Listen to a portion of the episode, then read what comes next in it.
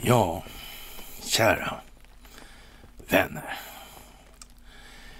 Vinden kommer från ost. Ljuset kommer också att komma från samma väderstreck. Det är tider för förändring. Det är tider för självbildsrevision. Det är tider för uppvaknande. Vi kan riktigt se hur optiken materialiseras framför våra ögon. Ord styr tankar. När optiken blir klar så blir den talande. Den sätter ord på sig själv. Människor förstår. Det är fredag. Det är den 14 första 2022. Jag kan inte hålla på och larva med det där. Okej, okay. i alla fall. Och då är det dags för någonting som vi brukar ha på fredagarna. la, la, la, la, la, la. Fredagsmyset. Ja, men intressant alltså. Det är ju fantastiskt. Ni är fantastiska. det går hyfsat, får man säga. Det har ju aldrig gått bättre, så man kan inte klaga för mycket heller, precis. Alltså. Men man kan faktiskt vara hur nöjd som helst med det här. Det är fantastiskt bra. Ni är ett gäng klipper alltså. Det är på dem det här bygger. De här klipporna alltså. Ni. Det är helt otroligt vilken insats ni gör när ni håller på och delar och ni länkar ihop er i kluster och det är fantastiskt vilka diskussioner man ser prov på nu. Otroligt. Fantastiskt. Det är organisk tillväxt i den medvetna medvetenheten. Och vinden, den piper verkligen just nu. Det är förändringens vindar som blåser. Tro inget annat, även om ni hör det. Inte bara min mage som kurrar för som vanligt då. Och vi ska ta det här med fasta också för övrigt. Det, det kommer eh, tids nog, alltså. kanske inte idag just. Utan eh, först så ska ni som sagt ha det största av tack. Verkligen. För allt ni gör i det här. Det är helt otroligt makalöst bra. Och och eh, ja, ni ser ju resultatet själva hur medierna får backa undan och så vidare i det här. Tack för gåvor på Swish och Patreon. Tack för att ni fördjupar er på karlnorberg.se. Tack för att ni hakar på Telegramtjänsten. Otroligt bra. Jag vill slå ett slag för en kul grej alltså. Ta sökrutan på bloggen och så googlar ni Modis och se om ni hittar något intressant från 1932. En liten tabell eller en liten sammanställning över diverse. Det finns en Mitchell där också förresten. Mm. Lite Citibank-anknuten sådär kanske. Kan vara tidigare att tänka på det. Det här var redan för länge sedan alltså. Bra att hålla i minnet nu och det har att göra med Kryger också. Såklart, det går ihop. Skri, ja, stig fram skrämmande fantomer, höll jag på att säga, men när det går igen så här. Det är otroligt bra faktiskt jobbat av er och ni klarar att dra en hel del slutledningar själv nu. Och det är själva poängen i det här alltså. Ni kan sätta ord. Och eh, vi kommer tillbaka till det här med neurolingvistisk programmering och sådär. Hur man har använt det här för att programmera befolkningar i olika sammanhang. Det är väl utarbetat, strategiskt planerat. Alltihop. Men, som vi har sagt så många gånger, man gav sig inte in i det här. Bara lite och skjuter från höften och helt plötsligt så råkade en eh, ja, orangehårig lirare ja, som hade varit eh, docksåpastjärna liksom. Så råkade han hade ju förresten, det var några stycken med där också. Var, var det inte någon Baldwin med där också va? Tror jag. Och, och sen var det någon sån här uh, Britain's Got Talent-gubbe också som, eller, ja just det, han är Piers Morgan, han hade en brorsa som var överste också. Så var det kanske också. Ja. Mm. Lite sånt där det är bra att tänka på nu här. Hur länge kan det här egentligen ha varit planerat? Hur länge kan de ha planerat det här? Ja, det är det vi, vi kryper lite bakåt. Det som är vår svenska historia. Vi började ju med 1900-talet ungefär. Liksom. Eller det gjorde vi inte, utan vi började med Kryger och tänkte då sådär. Men nej, det gick inte. Vi får ta lite vidare perspektiv också, koppla in lite annat. Och så här. Ja, och nu står vi där vi står. Och nu håller det på att veckla upp sig och det här är ju en fantastisk tid. Det är bara några månader kvar så börjar fåglarna sjunga ute i naturen. Ja. Mm. Frågan om det finns andra fåglar som börjar sjunga. Du har väl sagt det någon gång kanske att det... Mm, när det inte finns så mycket alternativ. När man står inför fait accompli. Ja. Hur kan det vara egentligen med det här? Kan det vara så att eh, sådana här riktigt viktiga människor som kan väldigt mycket i de här sammanhangen faktiskt beslutar sig för att utifrån sin egen egennytta då sätta sig själv i främsta rummet. Har de visserligen aldrig gjort tidigare i livet, men den här gången, nu kanske de gör det. Så de börjar sjunga som kanariefåglar. Lärkor, rent utav. Ja, det blir bra. Det är jätteroligt att se också det här att ni lägger ner sån energi på det här och nu ska vi inte stirra oss blinda på statistiken även om vi hela tiden slår nya rekord sådär. Och, men vi, ja som sagt det händer någonting med internet nu. Och det verkar vara lite grann åt det hållet ändå, att man måste ha kontroll på de här techföretagen.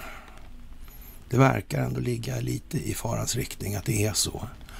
Och det kan vara bra att minnas nu i den här tiden alltså att eh, den här snabba, enkla slutsatsen, den är oftast någonting som kommer till korta mot den här mer genomtänkta varianten där man räknar med att kanske 80 procent av befolkningen faktiskt inte är så där våldsamt på bollen i alla lägen.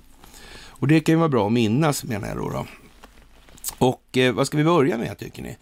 Jag tycker vi börjar med en bild faktiskt. Det är ju optik. Eh, ja, och Bildt är en kontroversiell figur i olika sammanhang. Då. Han har suttit i styrelsen för till exempel Lundin Oil då och de här familjen Lundin är ju ganska så hårt kopplade och ingifta då i Wallenbergsfären då.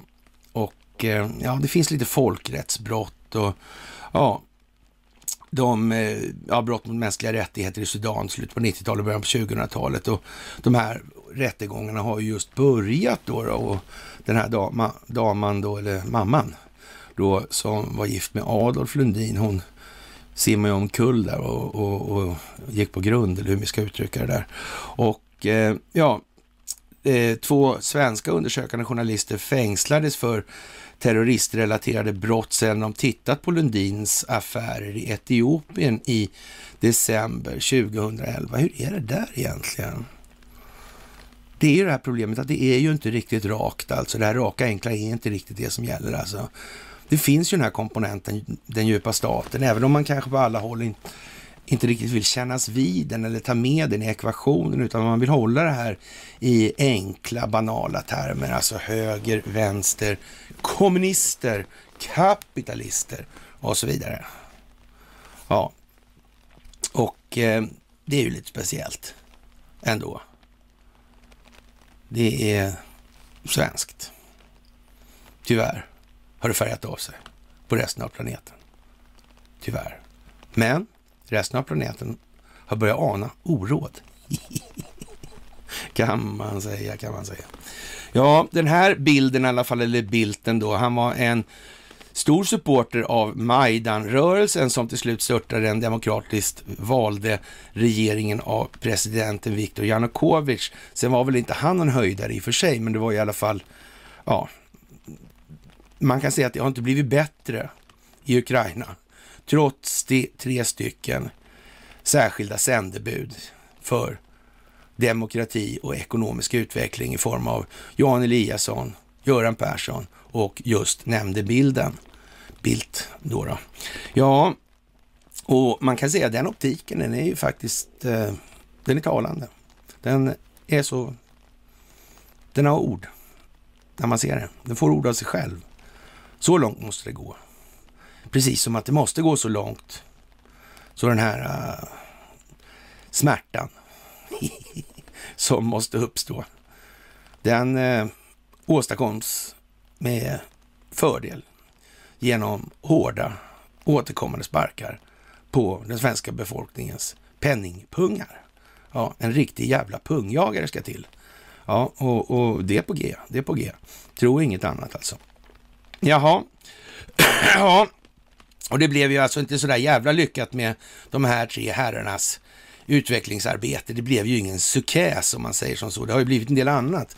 Däremot en och annan eh, korruptionshärva och, och så vidare och så vidare och så vidare. Och en och annan penningtvätthärva också i det här. Mm, är det speciellt nog det här? Mm. Vi får se. Det kommer att kristallisera ut sig ganska snart. Det här är de tiderna fåglarna börjar sjunga och då kommer det hända grejer. Det är fantastiskt alltså. Det är, det är snudd, som man, snudd på som man kommer att höra Näktergalen i januari. Det är tidigt tror jag. Utan att för den skulle vara någon särskilt eh, ja, utvecklad ornitolog, då, för det är jag verkligen inte. Eh, därtill har jag Conny faktiskt, och det trodde ni inte. men ja, men så är det. Så. Han kan en del av fåglar den du. Och eh, jag vet inte vad det är som, varför det blev så, men det blev så i alla fall. Ja. Efter att den här bilden i alla fall arbetat som EUs högste representant i Bosnien på 90-talet var Bildt en av tre personer som utsågs av den kontroversiella misantropen, alltså George Soros då, och i ett e-postmeddelande till Clinton att vara en ledande EU-medlem i Albanien när det stökar till sig. Det har vi tagit upp hundra gånger, men det är viktigt att komma ihåg det här, alltså under en period av oroligheter under 2011. har även förekommit i andra sammanhang med Dominion-maskiner och amerikanska militärer och sådär. Och situationen i Balkan är såklart vad den är då. Och om man då tittar på Kazakstan nu till exempel så har vi ju sagt det att återkommande, alltså det här handlar om pivotarien, det handlar om Sidenvägen, alltså det handlar om handelsleder då, eller vad man ska säga, kontrollen över strategiska naturresursflöden alltså. Så. Och det här är sånt som är helt essentiellt, eller livsavgörande att känna till om man överhuvudtaget ska kunna resonera i den här typen av termer. Och det handlar ju återigen då om det moderna kriget hela tiden och sen får man då lägga på den, eller det rastret, eller vad vi ska kalla det för då, att det är ju inte riktigt rakt och enkelt. Det är ju inte religioner som bråkar. Det har aldrig varit. Det har aldrig varit politiska inriktningar som bråkar, utan de här har ju alltid varit kontrollerade från en och samma part och tillhandahållet till befolkningarna för att de ska ha någonting att stirra sig blinda på. Så. Och då krävs det ju då en lagstiftande församling och, och en då regering eller motsvarande då för att sminka den här grisen så att det ser trovärdigt ut. Och det gör man då på direktiv alltså ifrån de som egentligen bestämmer. Men, ja, ja, vi ska inte glömma bort i alla fall och den här bilden då och bilden då.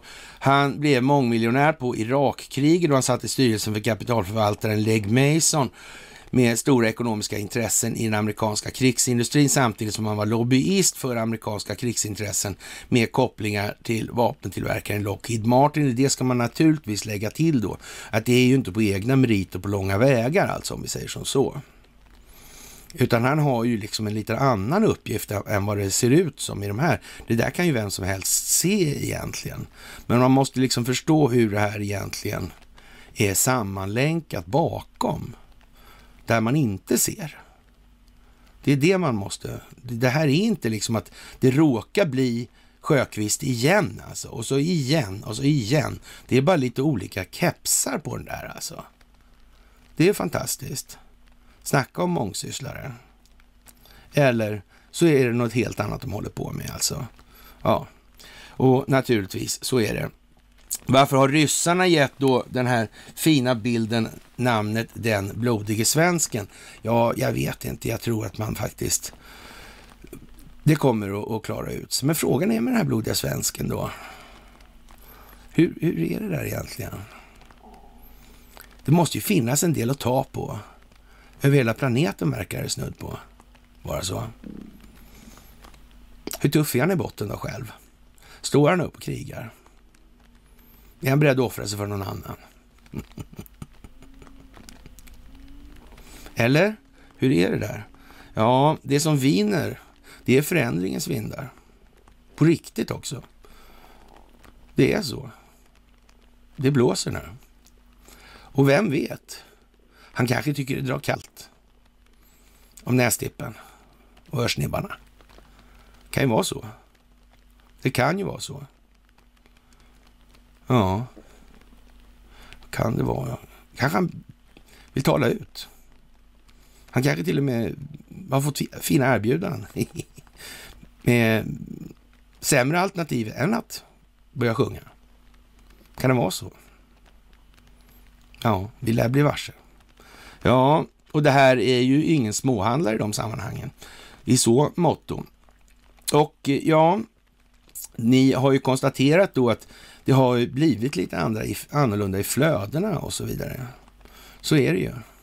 Men det här är som allting annat, det här ska tas i delar. Det ska liksom inte vara några extravaganta grejer här nu, utan det är sakligt och metodiskt hela tiden. Hela tiden. Ja, i lagom bitar. För att det här ska hinna med. Det går inte mer. Det går inte snabbare. Det är bara så. Ja, det är ju lite roligt att konstatera i alla fall då att eh, Sverige är bäst på att vara sämst i vanlig ordning då. Och Financial Times har PsyOps are crucial weapons. A crucial weapon against disinformation och det kan man ju säga är ju, låter ju lite som något svenskt. Då drar vi över den här då till det moderna kriget och så kollar vi, det handlar om informationshantering. Och ja, och eh, med covid då är den viktigaste uppgiften inom psykologiskt försvar att vaccinera befolkningen mot att tro på falsk information. Ett jobb som Sveriges nya instans då ska hantera då. Och, och det är väl lite sådär eh, udda kanske eh, kan man tycka då. Men för, för någonstans är det väl så här, det här systemet är väl inte riktigt, alltså säga funktionsmässigt till sin natur och karaktär som folk kanske tror att det är. Det kanske var så. Kan det vara så? Och ändå så är det det system som ska bevaras. Alltså det blir ju per någon slags funktionsmässig definition då, så att det här arbetet som de här myndigheterna ska ha nu när de ska få folk att tro på de här skrönorna som de kör ut med. Ja, det blir ju lite som det är helt enkelt. Och det är så dumt det här nu så att frågan är väl kanske om inte ungefär som vi sa förra gången det här med Dan Eliasson. Alltså, är det trovärdigt det där överhuvudtaget? Att han lyckas gå som någon slags jävla organisationsdestruktor. Va? Det är att riva organisation efter organisation. Det är ju fantastiskt märkligt. Har det ingen som kommer på det, att han är dålig istället?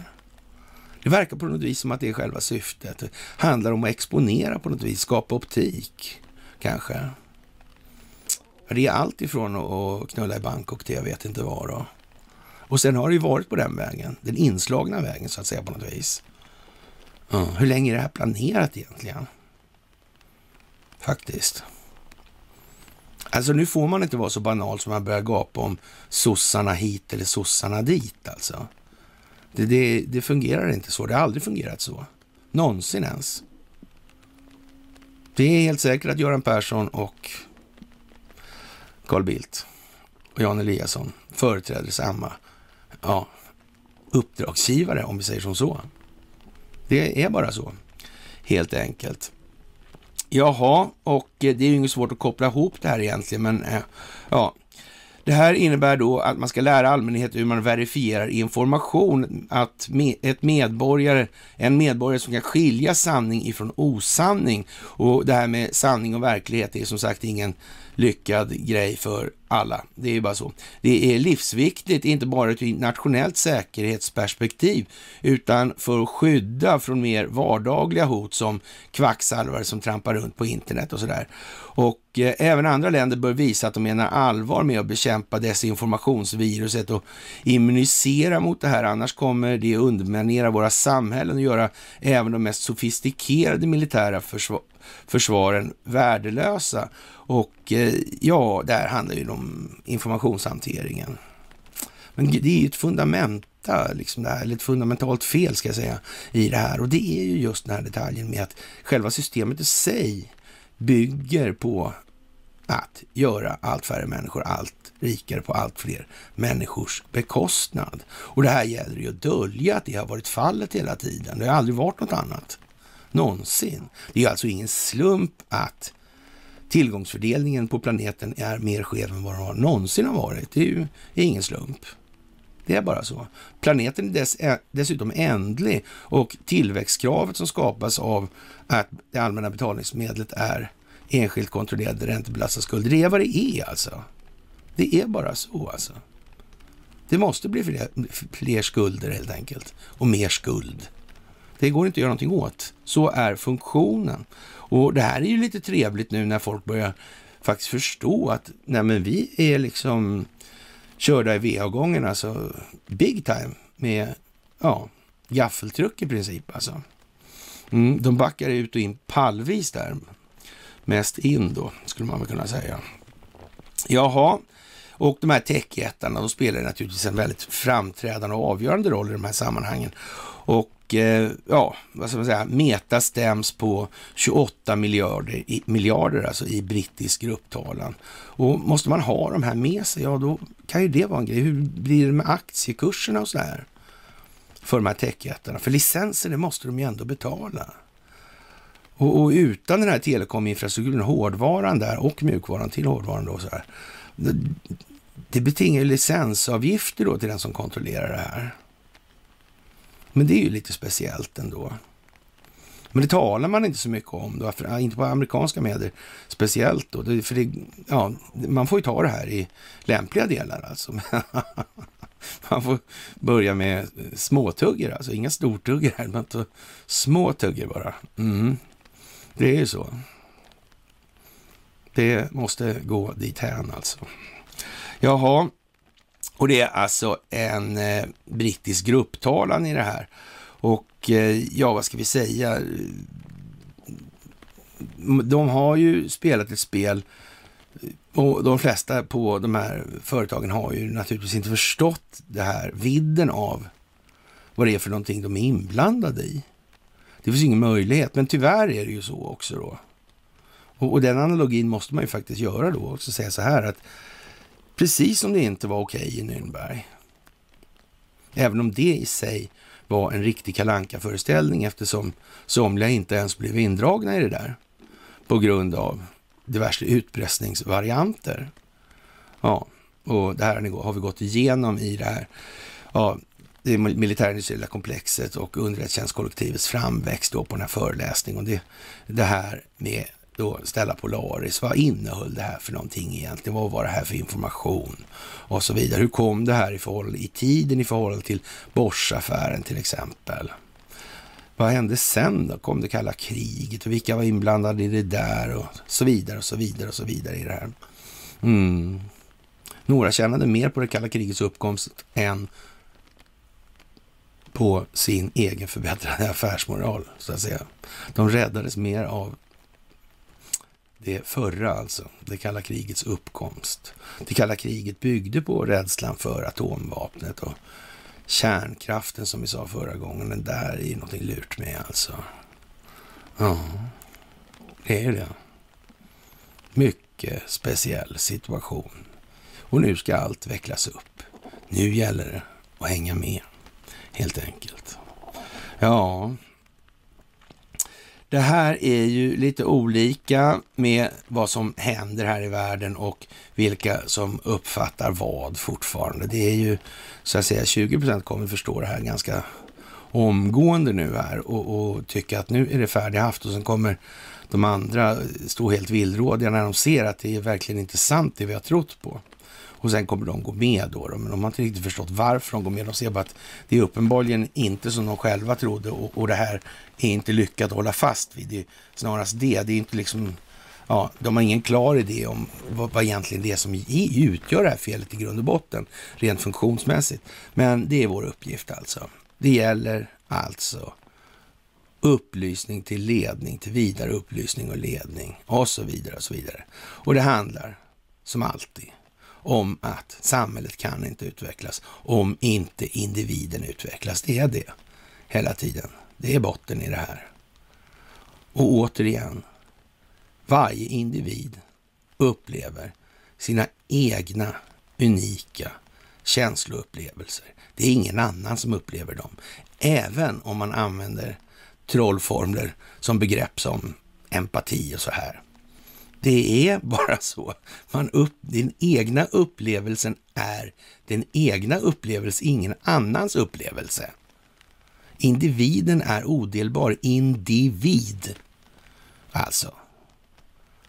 Och språket är enormt mycket viktigare än vad de allra, allra flesta människorna klarar av att ta till sig. De vill inte veta. Det där är för jobbigt alltså.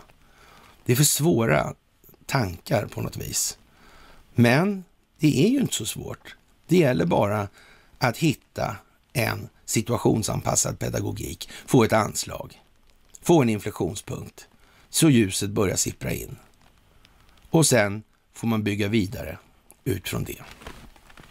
Jaha, vem som har stökat till det här i Ukraina som har varit nu, det har varit väldigt mycket hackningsangrepp och det är väl naturligtvis Fassibär och de här gänget då i vanlig ordning då. Och, och tycker man då från västmedia och den här Borrell där som tycker till, det är ju en, naturligtvis en riktig stjärna och, och han skjuter, skjut, eller jag skjuter inte ut sig, men man kan säga så här, det här är ju hans jobb nu alltså antingen han gör det här för ena eller andra sidan så gör han precis som han ska göra. Det är det här spelet som måste gå alltså. Det måste rullas på på det här viset. Det måste spelas ut tillräckligt många sekvenser ur varje givet perspektiv för att det ska gå att korstabulera till kringliggande perspektiv. Det är bara så. Det måste vävas en väv av förståelse. Det måste bli en hel bild alltså. Vad är det människor ser egentligen? Vad är det här för strukturer? Vad har de här gjort under gångna tider och med vilket syfte? Det är ju inte sådär exakt jättekomplicerat, det kan man väl inte säga. Men det är viktigt nu att komma ihåg alltså att många kommer inte att vakna på väldigt länge. Kanske till och med aldrig. Utan de är kanske nöjda med att gå i sin lilla lunk och sådär. Och då vill man ju kanske, eller bör man kanske vara lite försiktig med vad man lastar på de människorna också. De ska ju ha sitt fria val i den meningen naturligtvis. Men man ska också säga så här då, om man nu drar det dit att det är inte okej okay att utgöra en fara för sig själv och andra i det här. Det är inte okej. Okay. Det är absolut inte tillrådligt. Jaha, då hjälpa Ukraina tycker man man ska göra i de här sammanhangen. Och det är väl inte så att det exakt saknas kännedom om vem som har så att säga kontrollen på telekominfrastrukturen i Ukraina. Det tror jag inte. Jag tror inte ens det saknar eh, vem det är egentligen som sköter de här eh, ja, reaktorerna på Tjernobyl som går fortfarande. Alltså. Mm. Vem är det som levererar kärnbränslet dit alltså? Ja. Mm. Det där är mycket speciellt. Det finns många grejer här bakåt som kommer komma upp nu. Det finns många politiker som har varit behjälpliga med massa saker som de inte borde ha varit behjälpliga med ur något som helst moraliskt perspektiv. Så är det också. Jaha. Och eh, vi kan väl ta lite tennis då för att pigga upp oss lite. Och den här Novak Djokovic och hans förehavanden där. Det finns ju enorma kopplingar naturligtvis i de här sammanhangen. Och Eh, ja, det fanns gruvdrifter och...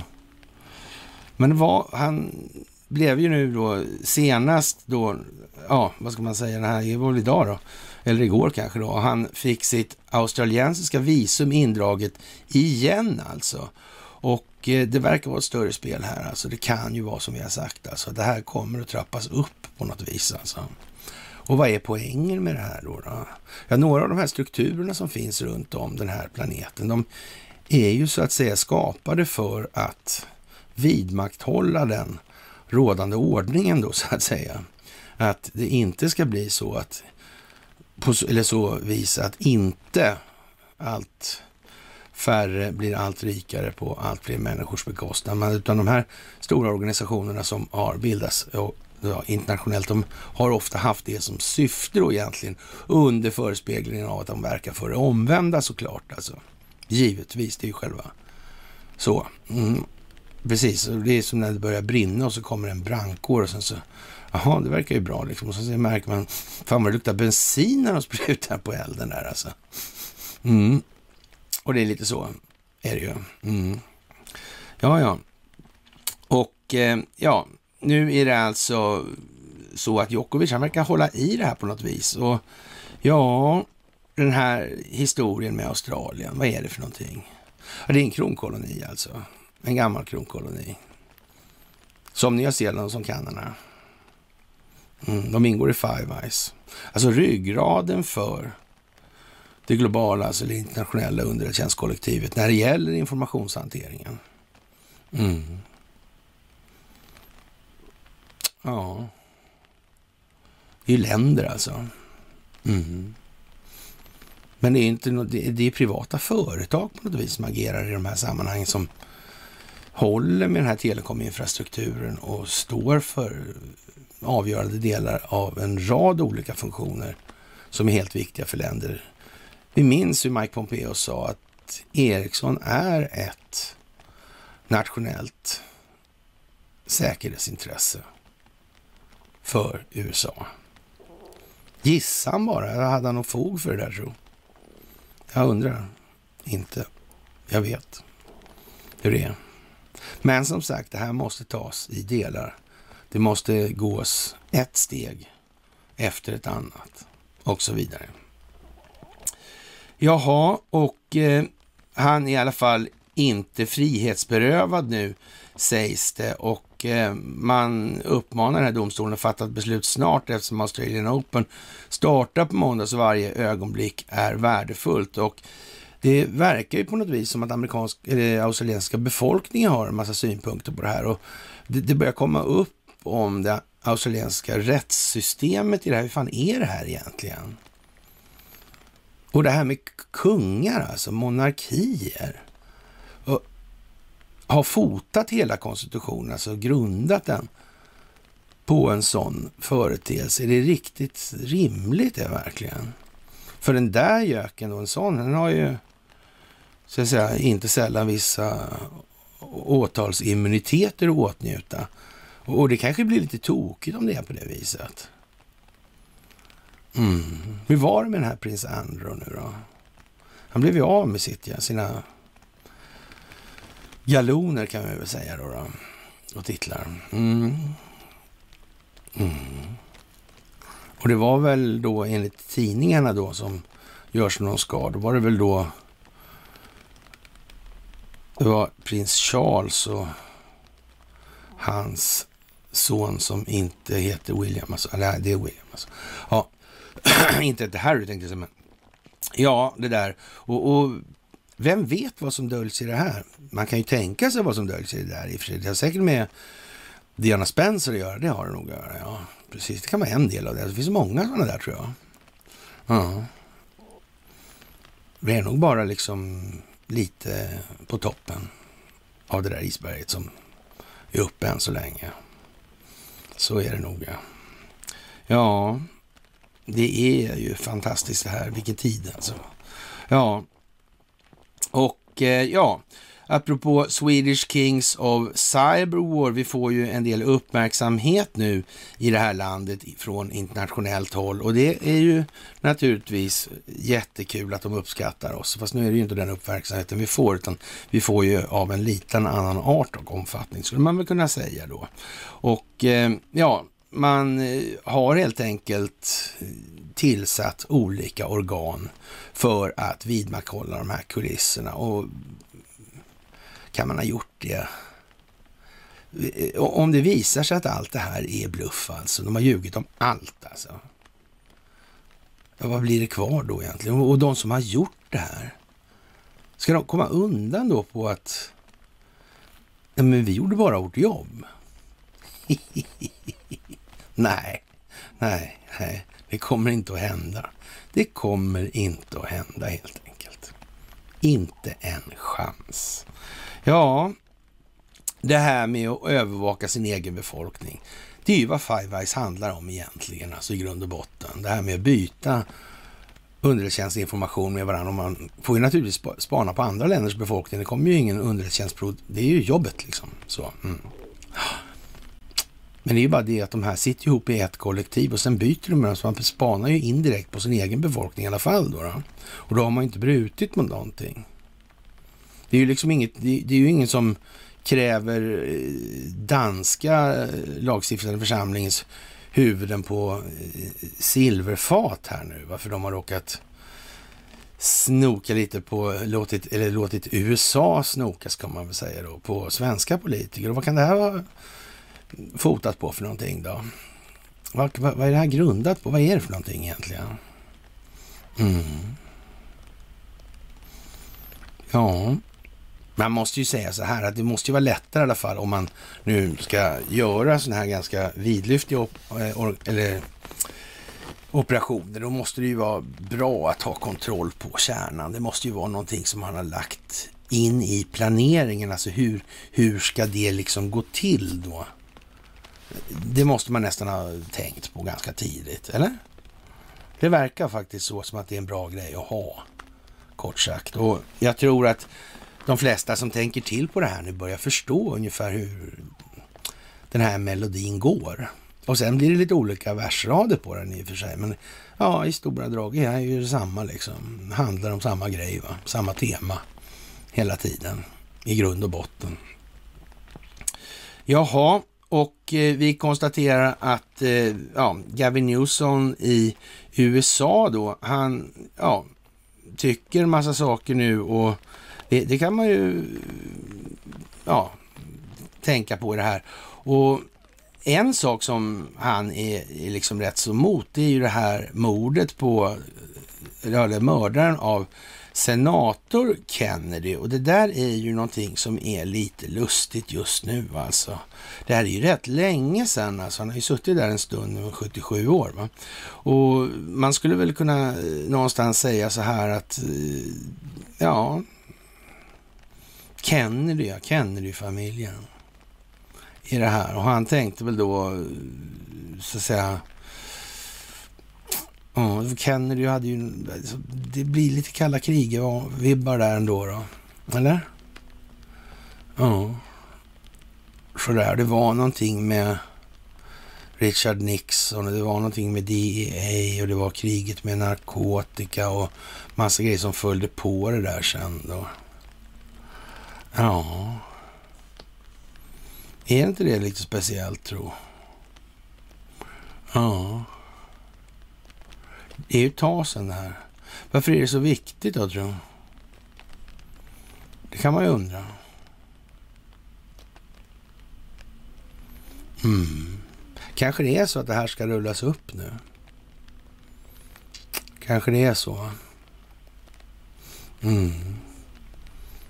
Och då kommer det bli massa rullningar alltså.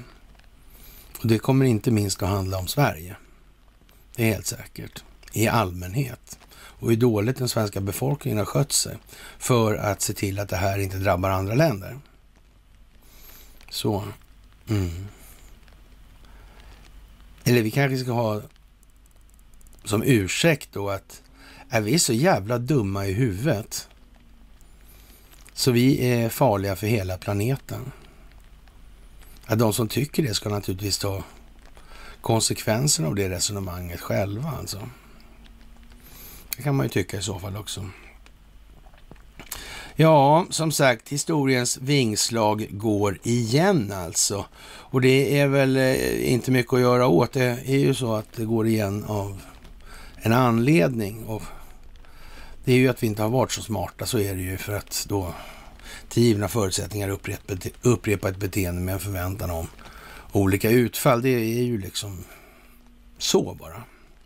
Ja, och eh, många av de här sakerna är ju, kan man ju tycka då, lite söndertjatade snart, men som sagt, det är inte spetsen som är det stora arbetet. Men det går i och för sig snabbare även om det är, för det behövs så lite alltså. Det behövs ju bara att, som vi sa tidigare här nu, att det, det är liksom en inflektion, alltså en ljusstråle in alltså.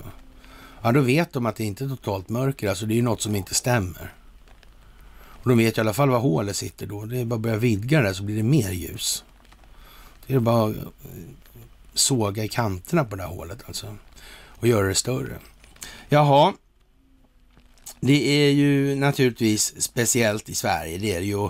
Det handlar om det svenska rättssystemet och ja, dagen till ära då så har Dagens Industri lagt ner all energi på hela planeten, men ganska mycket i alla fall. Och i början av september 2019 tog Finansinspektionen en fantastisk myndighet under den här värde här, Thedéen som är, får man nästan misstänka också har, eh, ja, eh, vissa teateregenskaper naturligtvis, det har han ju givetvis. Men, men eh, frågan är här nu alltså hur jävla taffligt man kan bete sig. Alltså det är så bara. Och eh, ja, man tog upp med, emot uppgifter då som förmedlas av visselblåsare och eh, erfar DI då. Informationen gjorde gällande att Swedbank systematiskt manipulerade material som överlämnas till myndigheten med anledning av, eller i anledning heter det egentligen, men i anledning av undersökning om penningtvättsskandalen i Baltikum där det fanns banker. Det fanns ju även i Ukraina där på den tiden naturligtvis. Ja, det, det tror fan det liksom. Ja. Originalversionen av alla dokument påstods finnas sparade på USB-stickor som försvarades i ett speciellt kassaskåp på huvudkontoret i Sundbyberg alltså. Och det var ju upp, ja, detaljerade uppgifter och enligt dem då skulle Swedbank på order av en namngiven chef ha gått igenom alla dokument som Finansinspektionen ville ta del av och tagit bort delar som bedömdes extra graverande sett till både innehåll och vilka chefer som stod som mottagare. Och om det är någon som undrar varför då Bonnesson inte, eller rättare sagt att Bonnessons advokat då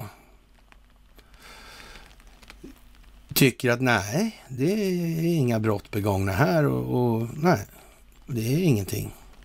Och i, ja, alltså retrospektivt eller sett tillbaka nu så, vem vet alltså?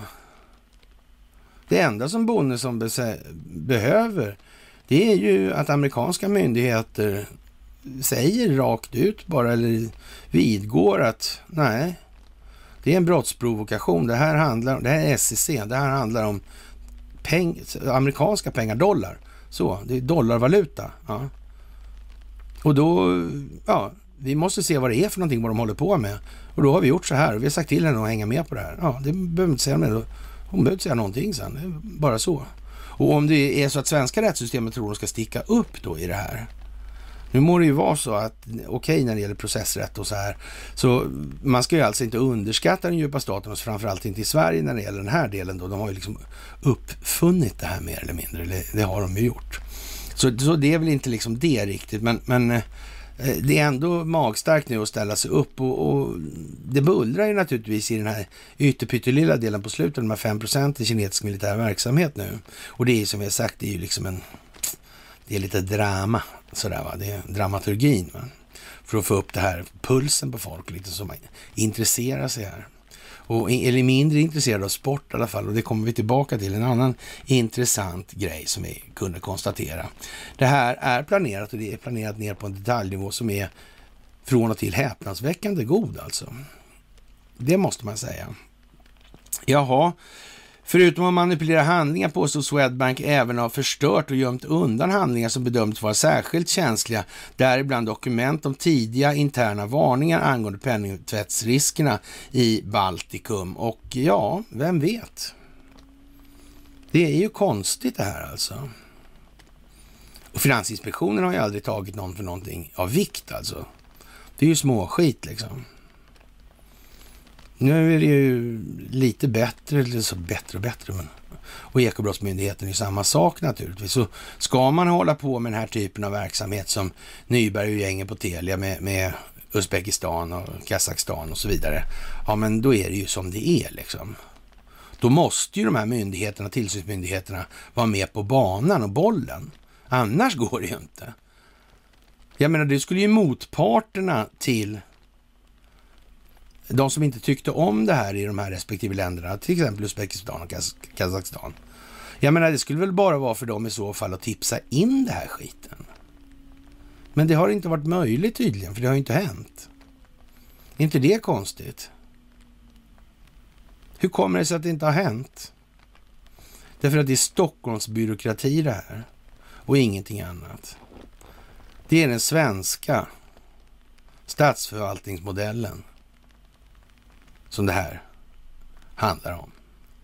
Och det handlar om det svenska rättssystem som upprätthåller det här på bekostnad av planetens välmåga till förmån för allt färre. Som tar en större del hela tiden också. Fantastiskt. Fantastiskt. Jaha, och eh, sen är det ju då, vad ska vi säga, eh, ändå hur dumt, ja, det kan bli alltså. Det, det, är ju, I det här fallet ska man ju säga att det är liksom eh, gör ju vad de kan då, eller kanske inte ändå vad de kan, men, men man kan säga så här att, och eh, ja, men eh, ja, man, man, Erik Thedéen, han blev ju jävligt arg då, då så han, han blev så förbannad så han enligt DIs uppgifter ringde upp och skällde ut minst en toppchef på Swedbank. Okej. Okay. Därmed kan man säga att Erik antingen är bland de mest imbecilla människorna som har försökt få ett par skor på rätt fot alltså. Mm. Eller också är det så att Eriks moral är av anmärkningsvärd natur i förhållande till vad allmänheten har uppfattat. För så här, förutom att försöka ta till brösttoner har FI, alltså Finansinspektionen, få verktyg att hantera en situation där motpartens samarbetsvilja sviktar. Alltså, de som har begått brott och överträdelser av lagar och förordningar eh, och har bristande samarbetsvilja, alltså, kan man inte göra någonting åt. Och, och då undrar man ju så här, men vänta nu här, var inte han chef då? Er, men hade han missat att de inte hade några befogenheter? När upptäckte han det liksom? Egentligen, men det blir lite retoriskt. Det, det blir ju naturligtvis eh, jättedumt bara så. Hur kommer det sig att, varför första dagen på jobbet alltså, och, och, han missar alltså vilka befogenheter myndigheten hade att agera i olika sammanhang. Ja, men låter det helt seriöst verkligen? Tycker alla det? Nej, det är inte alla. Jag vet att många, ni till exempel, tycker inte det låter ett dugg seriöst. Det är så jävla dumt som man tror inte det är möjligt ens. Men det är möjligt. Det är svenskt. Det är Sverige i den här tiden. Nu. För nu kommer ljuset och verkligheten. Och när människor ser det, ja, det är inte många som tror att chefen för Finansinspektionen trodde han skulle, trodde han, skulle ringa till Swedbank som hade tvättat eh, rätt många miljarder alltså. Sådär. Och förmodligen var ju inte allt uppe. Sådär. Eller helt säkert var inte allt uppe. Garanterat, för det är inte uppe än. Ja. Och, och så skulle han skälla på dem då. Och då skulle de springa ner i källarvalvet och plocka fram de här handlingarna igen då, eller? Hur tänkte han? Alltså, det är någonting som inte är riktigt som det ska vara här helt enkelt. Och eh, ja, de fick till slut hitta det jävla kassaskåpet i alla fall, men värdet av det kan ju ifrågasättas då eftersom Fi först berättade att de ville titta i skåpet och sen tvingades vänta en längre tid eh, under, utan uppsikt över skåpet. Då. Ja, det går inte att utesluta att någon under tiden plockar bort sånt som man inte ville att Finansinspektionen skulle hitta. Men alltså, ja, det, det, här är så här, och det här är alltså det man förväntar sig och att då den svenska befolkningen ska ha förtroende för. Jag menar, det går inte att ha förtroende för en chef och en myndighet som inte har en aning om vilka befogenheter man har. Det, det är helt omöjligt alltså. Det är helt omöjligt. Det är optik det. Det går inte att säga. Det är talande optik. Den bildar ord av sig själv. Alla klarar av att förstå det. Det är som att ha poliser som inte har en aning om vad de får göra och inte göra. Hur, hur skulle det sluta liksom? Och, och det var okej okay också dessutom. Jaha, ja, men det blir säkert bra på slutet. Det tror jag. Jaha, och eh, vi får väl eh, anta någonstans att eh, några till människor faktiskt förstår att det här är ju inte riktigt rimligt alltså. Det är i högsta grad orimligt då. då. ja, och eh, från bankens sida nu så har man ju då, ja, eh, eh, betala sina böter helt enkelt och förra historiska tillkortakommanden då på 4 miljarder spänn och det kan man ju säga är naturligtvis typiskt svenskt och att det blir en sån mera symbolisk summa i det här fallet, det får vi nog se ur perspektivet att eh, the best is yet to come alltså. Redan då alltså visste man var det här skulle landa. Så. Helt säkert. Det är alltså ingen tillfällighet att det handlar om Swedbank, SEB, Ericsson och så vidare i det här. Det är liksom inte någon... Och återigen i det här. Jag ska väl säga först som sist då att det här med kosmoskatterierna, det är, blir lite bättre och några av er är ju faktiskt eh, vuxna nog att säga att det är kanske bättre att hålla sig till de sakliga grunder som faktiskt gäller i det här, som är påvisbara storheter åtminstone i resonemangen och använda sig av argument som hör hemma där då. Kan man ju tycka är bra när folk inser faktiskt. Det ska ni faktiskt ha en eloge för. Och, och det är ju rätt många av er faktiskt som ja, hör av sig och tycker nog att vi kanske skulle hålla oss på det vi kan påverka och så vidare. Det är ju inte så mycket idé att sitta och vänta på någonting som vi faktiskt inte vet existerar. Så skulle det visa sig att det existerar, fine, då är det ju så liksom. Men intills dess får vi nog finna oss i att agera i den hage som vi så att säga vet existerar. Så då. Alla jagar Swedbank med andra ord i den här delen då och eh, man, man får väl nästan, den här kronologin kring det här, vad som har hänt, det är ju nästan omöjligt att missa det här. Och sen om man ser det i ljuset av att man faktiskt inte har några befogenheter värda namnet ens. Ja, men är det så konstigt att de aldrig får fatt någon? Och om de som har begått de här övergreppen eller förbrytelserna mot lagar och förordningar inte vill samarbeta, alltså, eh, jag vet inte resonemangen nu, det börjar ju bli riktigt dumt. Riktigt dumt alltså. Riktigt, riktigt dumt. Så, men det är ju som det är. Och den här Thedéen, alltså vad är det för någonting? Är det en fågel eller fisk alltså? Ja, någon fågel är det väl inte, utan det är väl en skadskjuten kråka i så fall då. då. Mm. Man hamnar ju knappast på den positionen om man inte är så att säga rakt igenom planerad av den sida som motverkar den djupa staten. Men det är svårt att se att det är så. Han har ju faktiskt haft ett liv tidigare också. Men, men, det är i alla fall som det är nu. Och eh, någon ställer frågan varför är inte hela Swedbanks styrelse med flera gripna? Ja, det här med frihetsberövanden. Det är väl som det är va? Det, det, det, fungerar ju inte riktigt så. Om man ska röka ut det här, då kan man ju inte börja med att låsa in eller avrätta Hillary Clinton och sådär. De som har kommunikation med Hillary Clinton kommer naturligtvis upptäcka att den här kommunikationen den känns annorlunda, den har förändrats och, och så vidare och så vidare. Och de kommer börja sopa direkt. Och, och det är ju också så här illa nu Och med, så att säga, avseende på det vi just pratade om i det här. För den djupa staten har naturligtvis inte varit så jävla korkad som de Eh, inte har använt det här modus operandi hela tiden. Eller det är liksom ett, det är ett standardförfarande naturligtvis. Man skapar ett regelverk för en myndighet, en institution och så vidare.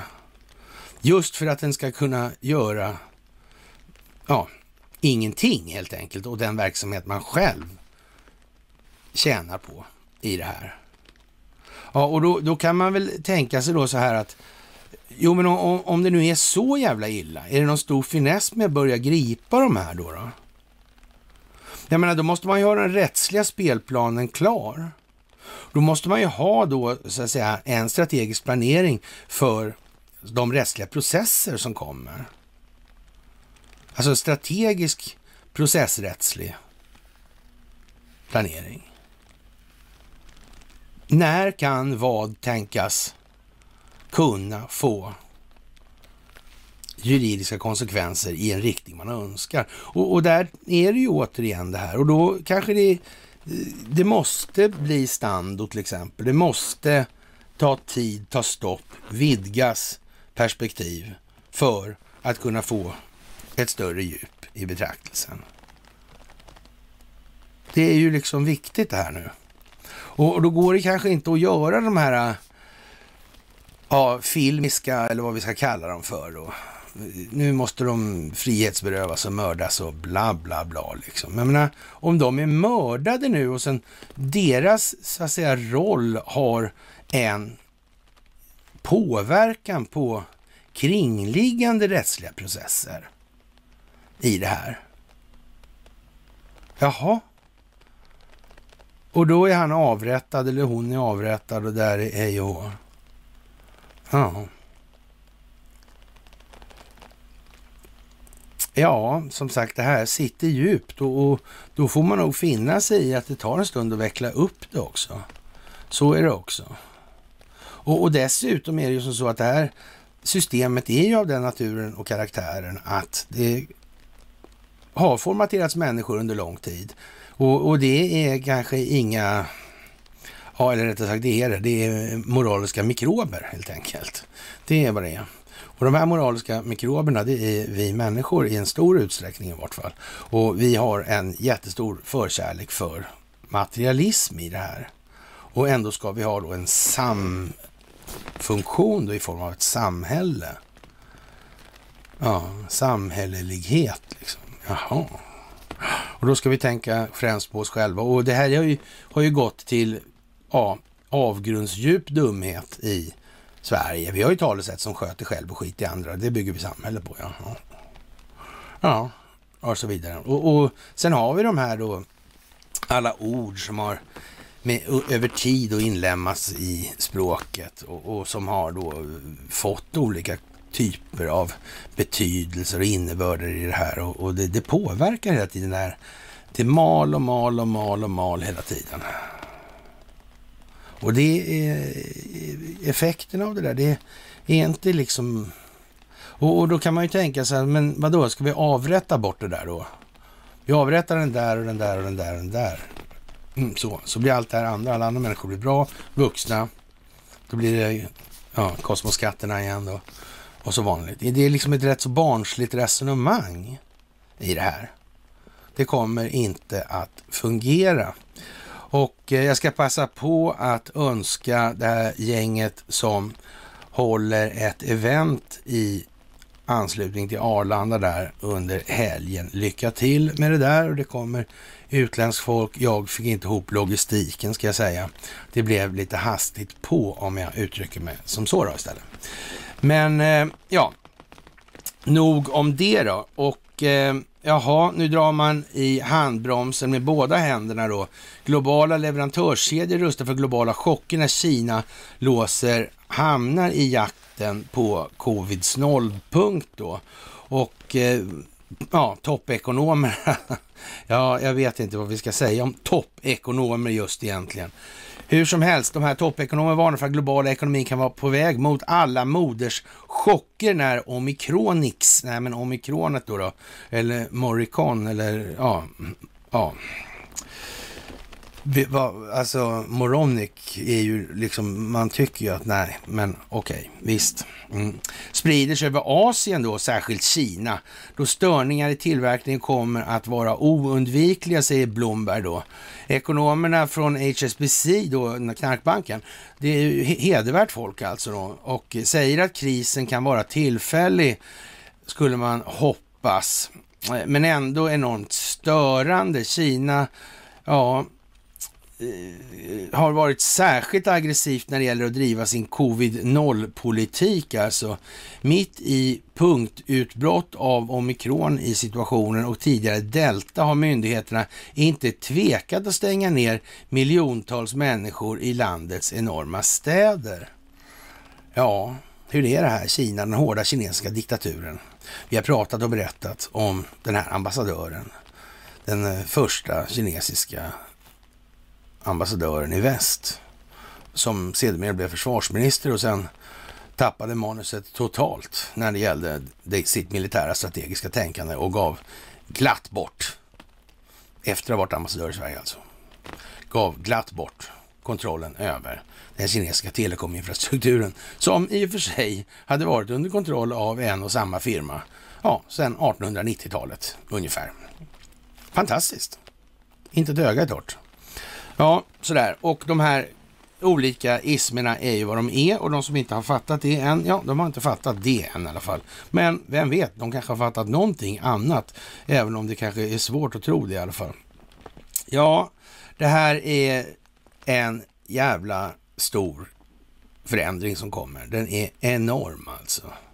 Och folk tappar fotfästet om man kör det här för snabbt. Jag återkommer till det, jag tjatar och tjatar och ja, jag tar lite olika nyanser varje gång på det här för att det är så. Det går inte att ta det här. Det, alltså det blir Gud i helvetet på jorden liksom. Så om folk tappar fotfästet totalt värderingsmässigt. Det finns ingenting som längre är vad de har uppfattat. De har inga kopplingar längre. Ja, men då är det som det är och då kommer det att bli som det blir. Då blir det som det blir. Och det är ingen av oss som önskar det i det här. Det kommer att bli helt fel. Garanterat. Det är ingen som vill uppleva det egentligen. Jaha, och eh, hur var det nu med den här figuren Ray Epps där som har figurerat på massor med klipp på nätet alltså. Han som stod och uppviglade. Vi måste storma, vi måste storma och han höll på som fan. Hur var det där egentligen? Ja, och FBI ville inte svara på frågor om han tillhörde FBI på ett eller annat vis i det här. Det var konstigt. Märklig historia det där. Och det var ju han den där eh, uh, skäggig. Ja, det där är lite speciellt alltså. Ja, han som var Stacke Karlsson där. Mm.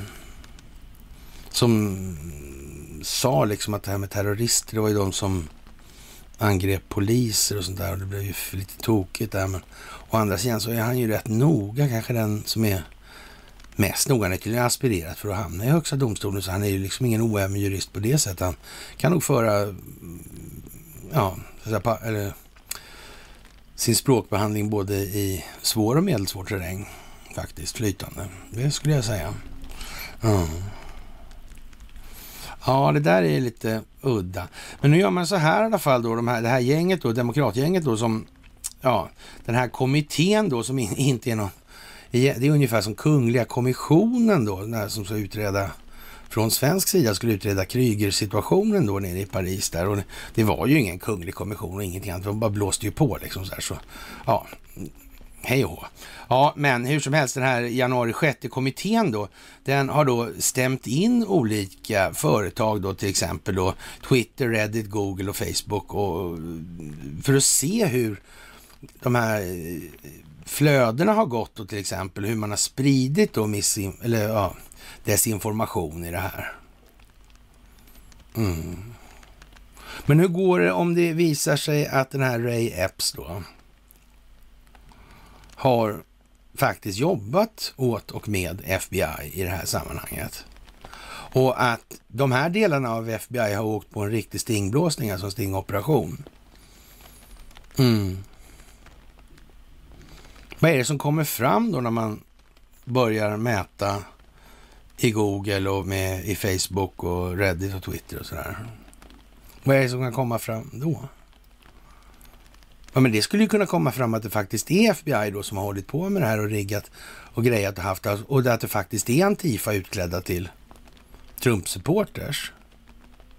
Sådär. Det skulle man ju kunna säga. Det finns ju i alla fall en uppenbar risk för att det är så. Det är ingen möjlighet som vi ska förkasta ännu. Definitivt inte.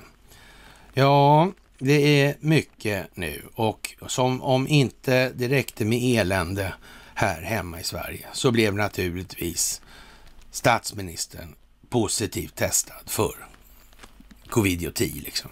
Ja, fantastiskt. Och eh, ja, hur är det där egentligen? Då måste ju sitta isolerad i tider som dessa. Det bullrar om de där fem procenten. Det bullrar väldigt mycket. Och som vi har sagt hur den militära strategiska planeringen ser ut egentligen. Den, ja, det, det, var ju någon amerikan där som försökte sig på det här och förklara det här lite grann. Det var kanske inte så lyckat. Det kanske var bättre om man hade fan i det. Mm. Eller så var det ju inte det, utan det var just meningen att folk skulle se att det här var inte så särskilt trovärdigt helt enkelt. Nej, precis. Och när man skickar ut Lena Melin alltså för att beskriva att det går runt ett gäng skyttelassar då på Visbys gator med stridspackning. ja. Det gäller att visa för Kreml att we mean business. ja, ja, ja, ja, ja. Och Bolund har också testat positivt. Det verkar ju lite tjurigt det där på något vis med friskheten där. Jättekonstigt egentligen med tanke på att det här PCR-testet inte funkar alls. Det ger liksom fel hälften av gångerna. Mm. Både för positivt och negativt. Det är ju fantastiskt det där. Mm. Ja. ja, vi får väl se. Ja, vi kommer tillbaka till det där. Så det är ju inte mer än så helt enkelt. Jaha, det är mycket med det här med energi nu naturligtvis. Och eh, ja, det är inte dags för några krigshandlingar egentligen då. Det fattar vem som helst egentligen. Och det är möjligt att man får blåsa upp någonting sådär. Det, det är väl ingen snack, det kan ju hända. Så, och, och det kanske behövs också för att få liksom ta loven av den ena eh, missriktade tanken och kanske, eller implementera en mm, mera verklighetsbaserad grund för människors betraktelse av sig själva helt enkelt. Så. Mm. Är man liksom en intellektuell snöppeljöns, ja då får man väl finna sig i att acceptera eh, att det är så då. Och, och, sen får man väl göra om och göra rätt i så fall. Och, och börja tänka i rätt termer och banor. Det, det, är ju liksom så. Men det är väl liksom inget själv... Bara, nej då, det, får inte säga att jag är det ena. Nej, det får man inte göra. Nej. Eh, vad är det vi får säga om vad då i så fall? och så vidare. Ja, ni märker ju själva hur den här tongången i samhället faktiskt är rätt påtaglig när det gäller den typen av... Och det är liksom kränkande, kränkande, kränkande, kränkande. Ja, det är ju det alltså. Och vad, vad beror det på då? Och sen implementerar man det här mentalt. Alltså man, man håller på med en kognitiv formatering som gör att människor faktiskt är... Nej men du får inte, jag känner mig kränkt. Du får inte göra så. Det är brottsligt. Så. Mm. Och till slut så, ja, det är brottsligt. Ja, säger alla. Ja. Jaha, och eh, vad ska man säga? Man vill från amerikansk sida i alla fall inte hålla på med någon, några sanktioner mot USA när det gäller Nord Stream 2 och det är ju lite speciellt. Men vad är det man gör här egentligen då? Vad är det man gör? Det var underlivsporslinet gör hans senaste tal där han då sitter och i halvhysteriskt och står och skriker då liksom att det handlar om vem som räknar rösterna, det handlar om vem som räknar rösterna, det handlar om vem som räknar rösterna. Och vilka som använder sig av den här filibustermetoden då, alltså, ja, och snacka. Till exempel om man körde igenom Federal Reserve Act med hjälp av filibustern där. Ja, de andra hade tröttnat och gått hem och så körde man röstningen efteråt då. Lär det vara enligt ja, sägnerna ska vi väl säga. Men ja, ja, hur det nu var med den saken. Men alltså principen är ju det. Man, man kan skjuta upp massa saker genom att folk står och babblar i 14 timmar. Och, och, och sen så finns det ingen mer tid. Så, man snackar bort tiden. Och ja, de har eh, i USA har senaten då röstat ner ett förslag om att införa sanktioner mot de företag som står bakom den kontroversiella rysk-tyska gasledningen Nord Stream 2. Och en sak som man kan tänka på det här, de andra andelarna i det här projektet då, det är ju europeiska energiföretag i det här. Mm. Vad blir värdet på de här delarna i, i takt med att de håller på på det här viset? Mm. Och, och, man skulle väl kunna säga så här att eh, ur ett ryskt perspektiv så kommer det alltid gå att anföra då att nej, vi kanske behöver mera kontroll, ungefär som eh, ja, aktiebolagslagen, som tvångsinlösen då sådär. Skulle man väl kunna säga då att ja, vi kan ju inte ha en massa europeiska bolag med det här på det viset då eller? Då är det lika bra att vi tar det här om det så kan vi åtminstone föra en enad politik i den delen. Kan någon ha tänkt på de här sakerna överhuvudtaget? Mm. Borde, det fin borde det ens finnas privata oljebolag? Ja, av vilken anledning? Vilket lands territorium är det som ska exploateras som en konsekvens av de här privata företagen? Och hur mycket ska de få skära emellan då på det egentliga det, ja, på den egentliga realvärdeförädlingen. Och varför? Ja, det är som vanligt en massa frågor alltså. Hur som helst, den här lilla, eller den här skäggiga gubben då och Stacke Karlsson, Ted Cruz då. Och eh, han tycker absolut inte att det ska vara några sanktioner där. Och eh, om vi inte enas idag då, i den här frågan idag dag, så riskerar Ukraina att helt strykas från kartan, säger han. Och ja, det är mycket med det där Ukraina och jag tror att Ukraina inte kommer strykas från kartan, men jag tror att det kommer bli stora förändringar. Jag tror att framförallt kommer de krafter som har verkat i de här sammanhangen att eh, exponeras i en helt annan omfattning och utsträckning än vad som har varit fallet. Det är så. Alltså jag tror att Victoria Nuland kommer upp. Alltså jag tror att Robert Kagan kommer upp också. Det fanns en annan Kagan som nyss dök upp också i något annat sammanhang. Någon kanske noterade det. Mm. Ja, som sagt, eh, ja, man behöver lösa den här konflikten och vi behöver lösa den genom samtal, säger då Tysklands försvarsminister Christine Lambrecht och på torsdagen då igår. Och för, hon varnade för att blanda in den rysk-tyska gasledningen i diskussionerna om Ukraina-konflikten. Jaha. Allt sitter ihop verkar det som. Mm. Och Kazakstan. De har visst haft att göra med Biden också då. Och Bidens son. Precis som Ukraina. Och det är samma telekom och infrastrukturella kontroll på båda. Mm. Jaha. Ja, men det kanske inte spelar så stor roll helt enkelt. Ja, och eh, det blir allt mer uppenbart för nästan alla egentligen som orkar anstränga sig. Det är ju det som är problemet, att folk inte orkar anstränga sig alltså. Och eh, Donald Trump han schemalägger då ett möte då till imorgon i Arizona. BB39, det gamla slagskeppet och så vidare. Phoenix, Rising och så vidare i det här. Det kommer en massa saker nu. Massa, massa, massa saker. Jaha, och vi som sagt, Carl Bildt är som han är och eh, Djokovic är vad han är e och i den konfliktzon som restjugoslavien utgör spelar båda två på varsin sida om staketet nu i det här.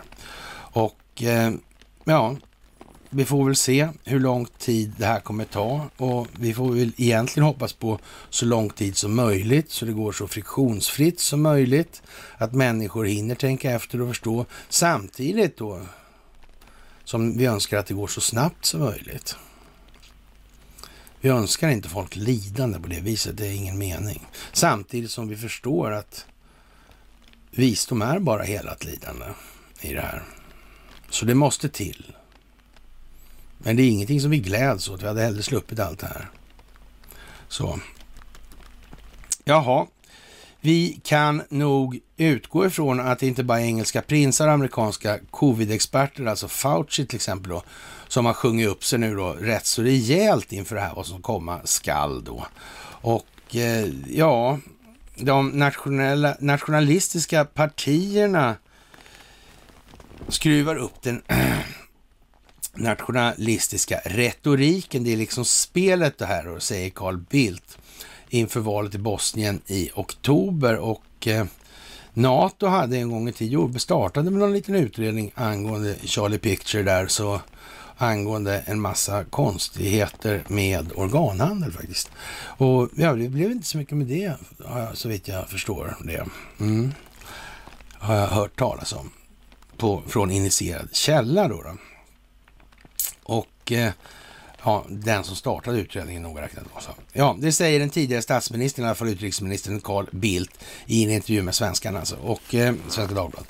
Det råder en påtaglig politisk kris, men det är varken den första eller sista politiska krisen i Bosnien. Nej, men han har ju faktiskt ställt till det där jättebra och, och jätteduktig på det här.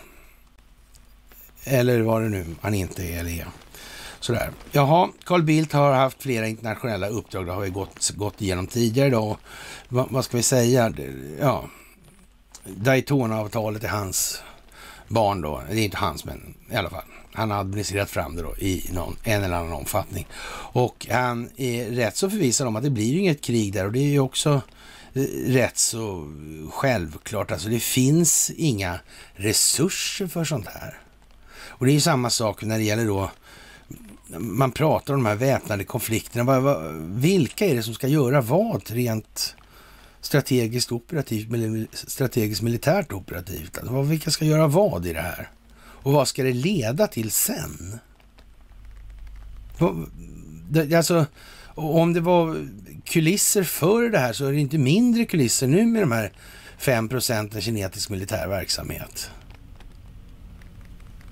Och det är fortfarande de där 80 procenten informationshantering som har den uteslutande största betydelse. Alltså. Så är det ju.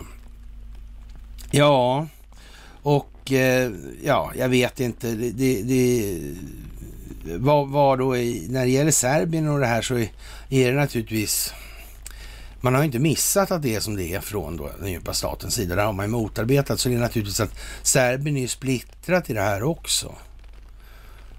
Det finns ju ett antal serber som faktiskt förstår vad det här handlar om och vad, vilka parter det är som egentligen är inblandade i vad. I vilka utvecklingsskeden. Det är ju självklart. Alltså. Men så finns det ju serber som är som svenskar. Ett antal alltså. Så går den stora massan noga räknat. Man vågar gissa på att det är ungefär 80 procent. Om man ser det som så alltså. Om man nu ska dra paretosiffror över det så är det väl ungefär så det ser ut.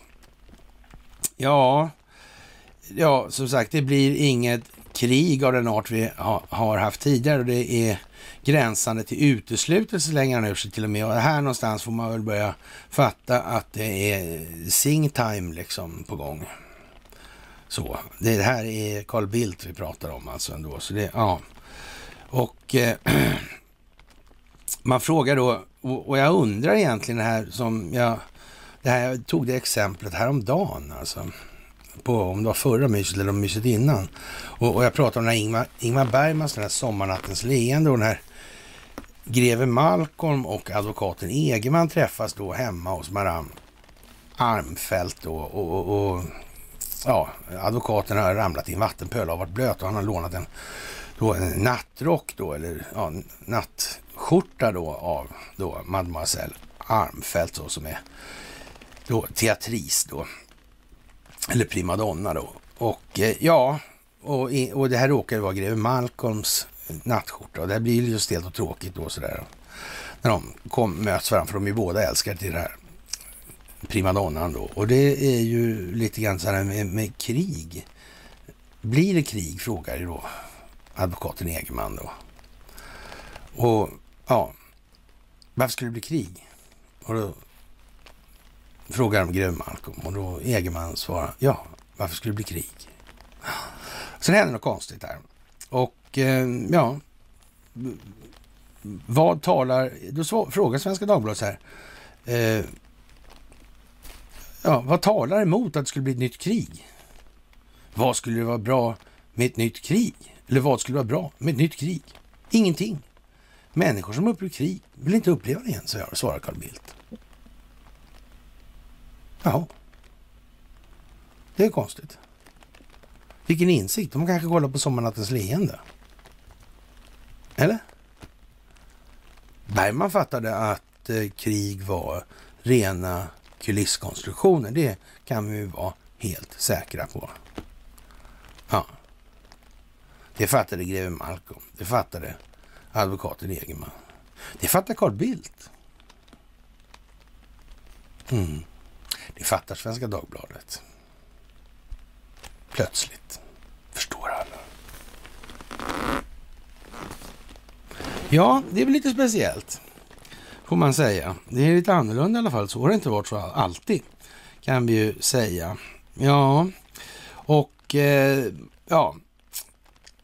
Carl Bildt är kallsinnig mot krav på att eller som att det internationella samfundet borde öka sin militära närvaro i Bosnien för att avskräcka från att ett politiskt krisläge skulle kunna leda till våldsamheter. Men vänta nu här alltså. Vad, är det här snubben som... Låter det som Carl Bildt? Inte riktigt va? Inte, han, är, han är ganska stor NATO-entusiast måste man väl ändå säga. Han, han är inte den, den svensken som är känd för att vara minst entusiastisk i NATO i alla fall. Så vi, det måste vi kunna vara eniga om tror jag. Det måste hela befolkningen i det här landet kunna enas om. Att han inte är, han är inte minst entusiastisk till det där. Han sitter ju faktiskt i Atlantrådet också, Atlantic Council där. Så alltså. Mm. Han är ständig medlem i de här eh, olika, eller ett antal av de här olika trilateraler och Bilderberg och så här. Mm. Precis som en del andra företagsledare är förresten. Mm. Kan man ju tänka på också. Så att de känner varandra, det är så. Fast de inte känner varandra. Ja, ja. Mm. Nej, det är mycket anmärkningsvärt när Carl Bildt börjar låta så där. Då känns det som att någonting är på väg över Spången helt enkelt. Eller ån. Ja, och eh, Putins strategiska vad är, eller svenska ställer frågan så här. Vad är den ryska presidenten Vladimir Putins nästa steg tror du? Ställer en fråga till Carl Bildt och han svarar så här. Att Putins strategiska ambition är helt klart att återta kontrollen av Ukraina på ett eller annat sätt. Och i, i någon mån så kan man ju säga så här att eh, de, Ryssland vill nog inte ha eh, att den djupa staten ska hålla på på det här viset som de har hållit på hittills. Det är ju liksom inget bra för Faktiskt inte för någon, inte ens för... Nej, för ingen för någon egentligen. Det är de som inte begriper att det är dåligt för dem, de begriper ju inte det, men det är inte bra för dem ändå. Liksom. Ja, och eh, ja, intentionen är klar helt enkelt. Och ja, är det möjligt för Putin att nå det här? Det vet man alltså inte, men, men intentionen är helt klar, tycker han då. Och det är väl eh, lite grann så med Carl Bildt faktiskt i det här. Ja, det vet man inte hur det ska gå att göra det här för ryssarna, säger man. Men vem vet, de kanske har koordinerat det här med amerikanerna. De kanske koordinerar med kineserna, de kanske har koordinerat det med folk i Kazakstan, de kanske har koordinerat det med Recep Tayyip Erdogan och eh, Lukasjenko kanske, vem vet? Det kanske finns flera parter som är intresserade av att motverka den djupa staten på ett globalt plan. Mm. Dock inte Carl Bildt då kan vi väl säga. Det är säkert. Ja, och eh, det är ju lite tragiskt det här med brittiska kungahuset i sin ja, exponering nu i det här. Det är ju... Eh, ja. Det, men, men det måste vara så. Det är för många människor som tycker att det där inte är så dumt och dåligt sådär. Så att det, det måste nog till det här. Alltså det är prinsarna Charles och William alltså som ligger bakom det här beslutet om Andrew. Att han ska ja, kläsa av då allt viktigt egentligen sådär.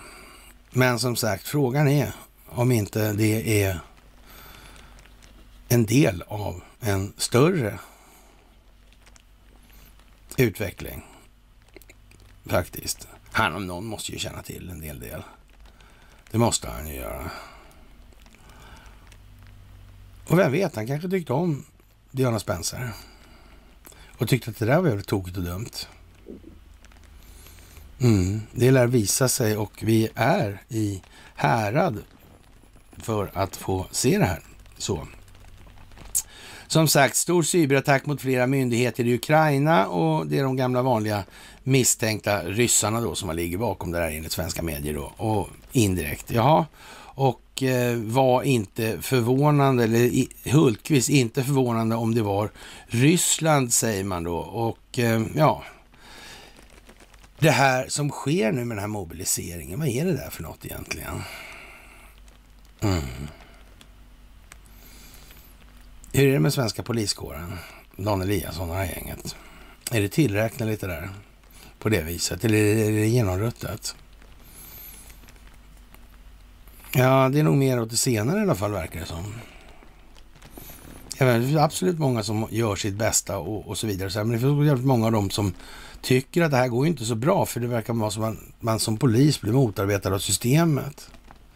Tänk om det är så att det är faktiskt meningen att de ska uppleva just den känslan, upplevelsen. Ja, jag vet inte. Det kan ju vara så. Eller kan inte det? Jo, det kan det. Kan vara så. Jaha, och eh, det är ju en hel del olika saker som man ska kanske komma ihåg nu och eh, Viking Lines färja ur trafiken månad efter kollision körde in i kajen och, och, det här var väl lite udda i Helsingfors då under onsdagen, skriver Huvudstadsbladet. Händer sånt där egentligen bara? Nej, det gör det inte det. Det finns rätt många säkerhetssystem på en sån där kärra alltså. Det är så. Mm. Det där är konstigt. Mm. Hon är borta en månad då. då.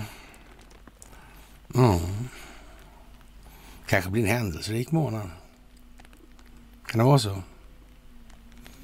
Mm. Ja, det är ju bra att tänka på. Mm. Mm.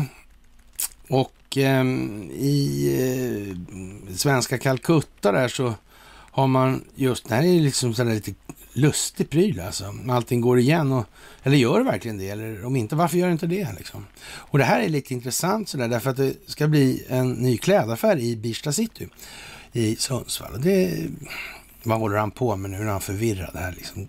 Ännu mer än vanligt liksom. Nej, jag vet inte ändå alltså. Den heter Wallenberg ska den heta. Mm. Kanske är viktigt med symboler. Man kan ju säga så här, det, om den här eh, klädbutiksinnehavaren heter Wallenberg, eller hur det nu är. Och, och finns det en annan poäng, en pedagogisk poäng med det här. För, för, namnet Wallenberg får man nog säga löper en rätt så påtaglig risk för att bli förknippat med rätt dåliga saker under överskådlig tid. Så. Och är det någon gång man ska försöka förhindra att det här så att säga går överstyr då, då? Alla som heter Wallenberg ska ju inte behöva byta namn då, eller? Ja, det är väl ungefär så. Det fanns ju inte så många Hitler kvar sen efter Adolf Hitler helt plötsligt. Nej.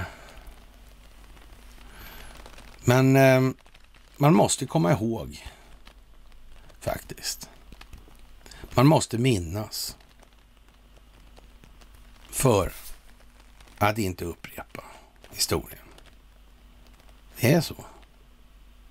Och det är viktigt att tänka på. Helt klart viktigt dessutom. Så det är väl lite så att det ska man vara medveten om. Man ska vara medveten om i Sundsvall då den roll som vem har spelat historiskt sett i de här sammanhangen. Med allt ifrån tungvattentillverkning i Ljungaverk till gud vet vad alltså. Ja.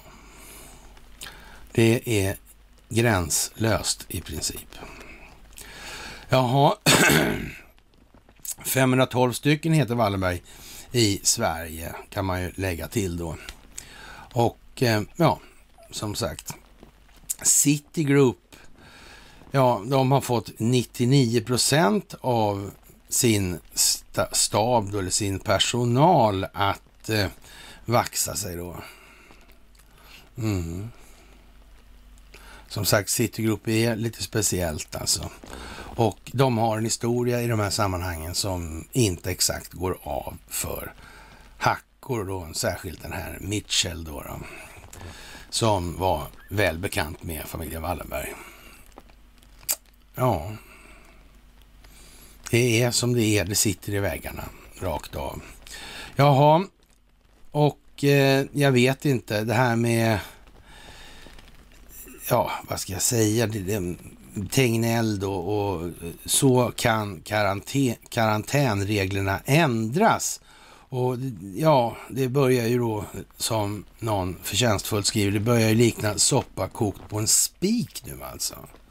Och det är klart som vi sa senast nu att eh, Tegnell har ju intressen i läkemedelsindustrin precis som Matti Sellberg. Och det är ju bara så. Och precis som Fauci har. Det är bara så. Och det här kommer att exponeras. Det är också så. De pengar de har gjort har de gjort på bolag registrerade eller noterade på Nasdaq. Mm. Och så vidare. Då, då. Jaha, och eh, ja, jag vet inte.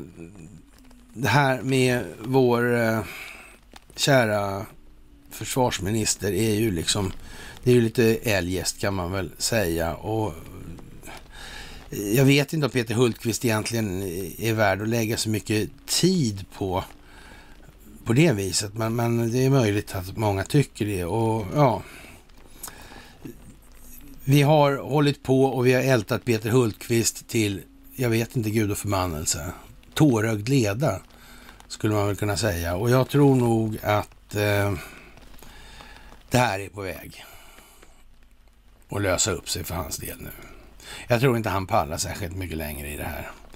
Det är inte så att Magdalena Andersson var sysslolös annars på Folk och Försvar. Nej, det var inte så. Det är nog så att Peter Hultqvist håller på att bli lite, ja, matt i spänsten helt enkelt. Ja, efter vågen kan vi se efter hur vi klassar covid, säger därför också Tegnell, och vilket då innebär, ja, vi kan se över om covid-19 ska fortsatt klassas som en samhällsfarlig sjukdom, säger statsepidemiologen Anders Tegnell. Det här sker parallellt med att Tony Fauci gör bort sig något så in i helvete i USA.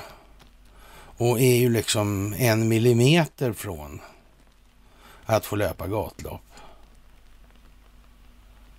Men det var han ju förra veckan också. Då var han också en millimeter nästan. Mm. Men det fortgår ändå. Det blir mer och mer tydligt. Optiken blir mer och mer klar. Optiken börjar tala, den får ord. Människor kan sätta ord på optiken. bilden är talande. Alla ser, alla förstår. Om de anstränger sig. Så är det. Ja, och konstigt att det just är Tegnell som håller på på det här viset. Mm. Matti Sellberg. Märkligt, märkligt, märkligt, märkligt. Ja, och nu kanske vi inte ens behöver klassa det längre som så farligt. Nej.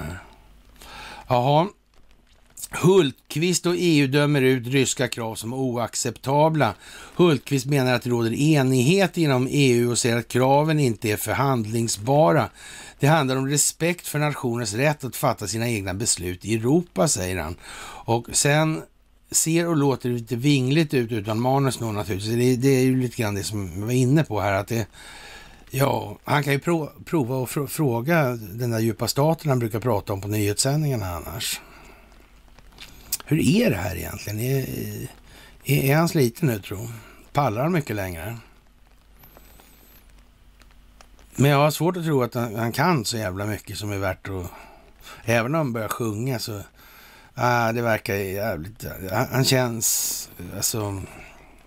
Nej, jag tror inte det blir så bra om han har vet för mycket. Jag tror det verkar dumt alltså. Ja, och eh, Sverige är ju naturligtvis en särart i de här sammanhangen och det beror ju på just att vi är eh, där vi är i den djupa statens struktur då. då. Och då blir det så här. Boris Johnson, han håller på med festskandaler och det där är ju naturligtvis bröd och skådespelshistorier. Alltså det är teater rakt av. Så. Men det är det här med vad Boris Johnson egentligen försöker åstadkomma för någonting. Va? Han vet hur man spelar för att vinna, men frågan är vad han ser sig vinna, eller vad är målet? Kan han ha en idé om att det här med samväldet kanske inte är sådär riktigt jävla hundra i alla lägen? Kan han ha det? Ah. Hur gör man för att komma loss ur den här situationen? Ja. Jag menar, ett, ett land byggt på de premisserna som man har byggt Storbritannien på. Och, och man har så att säga en, en självförsörjningsgrad som den ser ut som den gör. Vad är liksom utsikterna för det där framgent överhuvudtaget? Mary Poppins är en bra film att kolla på. Den här banksången är mycket mycket, begåvad. Ja, det kan man ju tänka på. Och eh, man säger från den amerikanska högsta domstolens sida då nej till det här med att då företag ska kunna tvångsvaccinera sin personal. Alltså, det är ju lite sådär. Mm. Och det kanske eh, väcker en tanke på hur det är egentligen i Sverige. Hur ser det här ut? Hur ser det svenska rättssystemet ut i olika sammanhang och ur olika perspektiv? Jaha, vi har en massa, vad ska vi säga, vacciner och eh, i Afrika är man inte intresserad av de här vaccinerna nästan överhuvudtaget. Man tycker att nej, det verkar dumt alltihopa. Och ja, tråkig historia kanske varför, vi tog upp det förra gången, varför är det så? Varför har man den inställningen? Varför har de här länderna sån konstig inställning till det vi tycker är så bra? Varför tycker inte de det är bra? Eller? Ja, man kan ju undra faktiskt över det. Till och från. Jaha, Försvaret kallar in reservofficerare och det här är ju lite udda måste jag väl säga. Det lilla fåtal som finns kvar då. Men eh, ja, det moderna kriget är ju vad det är och nu handlar det om den här 5% teatern alltså. Och Eh, ja, han, man säger från militär sida då att åtgärderna på Gotland handlar både om synlig och dold verksamhet från försvarets sida. Men det handlar inte bara om Gotland utan om flera andra delar av landet. Jag använder de resurser jag har för att kunna vara närvarande. En del syns, men ja, en del syns inte, men definitivt på ön, ja. Och man får väl, eh, ja. Men vad, är, vad ska de göra för någonting, de här? Jag menar, de amerikanska gröna baskrarna har varit där och tränat hemvärnet. Och svenska polisen verkar inte vara tillräknelig och sen har vi köpt in massor med militärpolisbilar i landet. Och sen har Hultqvist åkt runt och skrivit samarbetsavtal med andra länder. Mm. Och det här handlar om en global folkbildningskampanj. Och inför all den här soppan som vart efter valet 2020 i USA. Mm, så sa många, det finns bara en militär lösning. Mm. Mm. Men för att ha en militär lösning sådär då måste man ju på något vis mobilisera militär också för att man ska kunna skapa den här situationen där det finns militär ute. Ja, ja. Hmm. Mm. Kan någon ha tänkt? Vad sa vi om det här med kärnan? Mm. Ja, ja. Och det här med eh, det svenska högbordet. Värdelöst. Helt jävla värdelöst alltså. Och det kommer visa sig. Det där med att lyda order och gjorde bara mitt jobb. Nej, det kommer inte duga som ursäkt. Så enkelt är det bara i den meningen. Jaha, Coronakommissionen anser sig nekas viktigt underlag. Vi är störda och pressade. Eh, regeringskansliet har nekat Coronakommissionen att ta del av underlag som ingår i pandemihanteringen, däribland minnesanteckningar från möten, skriver Dagens Medicin. Kommissionens huvudsekreterare Joakim Sunnegård säger till Ekot att det är anteckningar som man behöver för att se hur olika typer av beslut har fattats. Vi är störda och pressade av det faktum att regeringskansliets agerande har gjort att vi fått mindre tid för att fullfölja den uppgift som regeringen har gett kommissionen. I ett skriftligt svar skriver regeringskansliet att man har en löpande dialog med kommissionen och att den har fått en stor mängd uppgift och handlingar. Eh, nu är ju inte då kommissionen av samma uppgift, men det är ju klart att regeringskansliet får ju tycka vad de vill. Men så lägger man, är det så här också, personliga minnesanteckningar som tjänstemän kan ha gjort är dock inget som regeringskansliet förfogar över enligt svaret. Vänta nu här. Det är inte bara Thydén som inte har en aning om vilka jävla befogenheter han och hans myndighet har. Nej, nej, nej, nej, nej, nej. Utan här har vi dessutom ett system där tjänstemännen alltså då kan då, ja, ja helt enkelt göra personliga minnesanteckningar. Jaha, och de är därmed också befriade från allmän insyn i det här. Jag menar, är, är det någon som på allvar tror att inte det är gjort med uppsåt? På temat hur djupt sitter korruptionen i Stockholmsbyråkratin? Men det är inte gjort med flit det här alls. Jag vet ju många har ju liksom hört av sig. Det är ju fan otroligt vad de håller på i USA med. Det är så jävla noggrant med liksom hur det bokförs olika förhör, vem har man ringt och alltså allting från klocks... Alltså jättenoga är det med allt det här. För att det ska finnas en rättssäkerhet värd namnet. Men hur verkar det då med, med sådana här, ja ni vet de här 302-orna då till exempel när det gäller de här FISA-grejerna till exempel. Ja, och, och men här då i, i Sverige då, personliga minnesanteckningar som tjänstemän kan ha gjort är dock inget som regeringskansliet förfogar över, enligt svaret. Nähä. Nej, men så praktiskt. Det är ingen risk att det mesta hamnar i den slasken. Eller? Aha, Ja, men ni hör ju själva, det handlar om det svenska rättssystemet och, och, eh, inte till så liten del så måste det här så att säga göras om rätt rejält faktiskt. Jaha, En annan variant som dök upp igår, det är alltså när 130 anställda varslades via förespelad video. Och det kan man ju tycka är lite halvklent då från ja, företagets sida då, när man, man så att säga, ja, inte en enda millimeter ryggrad helt enkelt. Så. Och vad, det här, eftersom det är så satans jävla dumt, vad är tanken? Vad, vad, vad ska de opinionsbildande effekterna? Tänkte vederbörande, vi skickar det här brevet, eller det här, ja, 130 varslades med en förinspelad video. Det kommer nog inte i tidningen och på nätet och på tv. Nej, inte alls. Nej.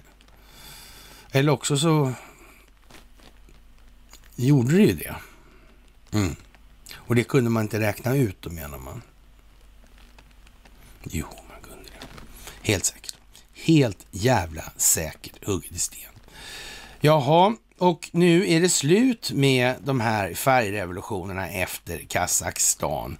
Och eh, det här är ju en jättesoppa naturligtvis. Och den innehåller allt ifrån Miljöpartiets gråvargar till jag vet inte vad, sen hela varvet runt till Investor och tillbaka då till Sverige igen då.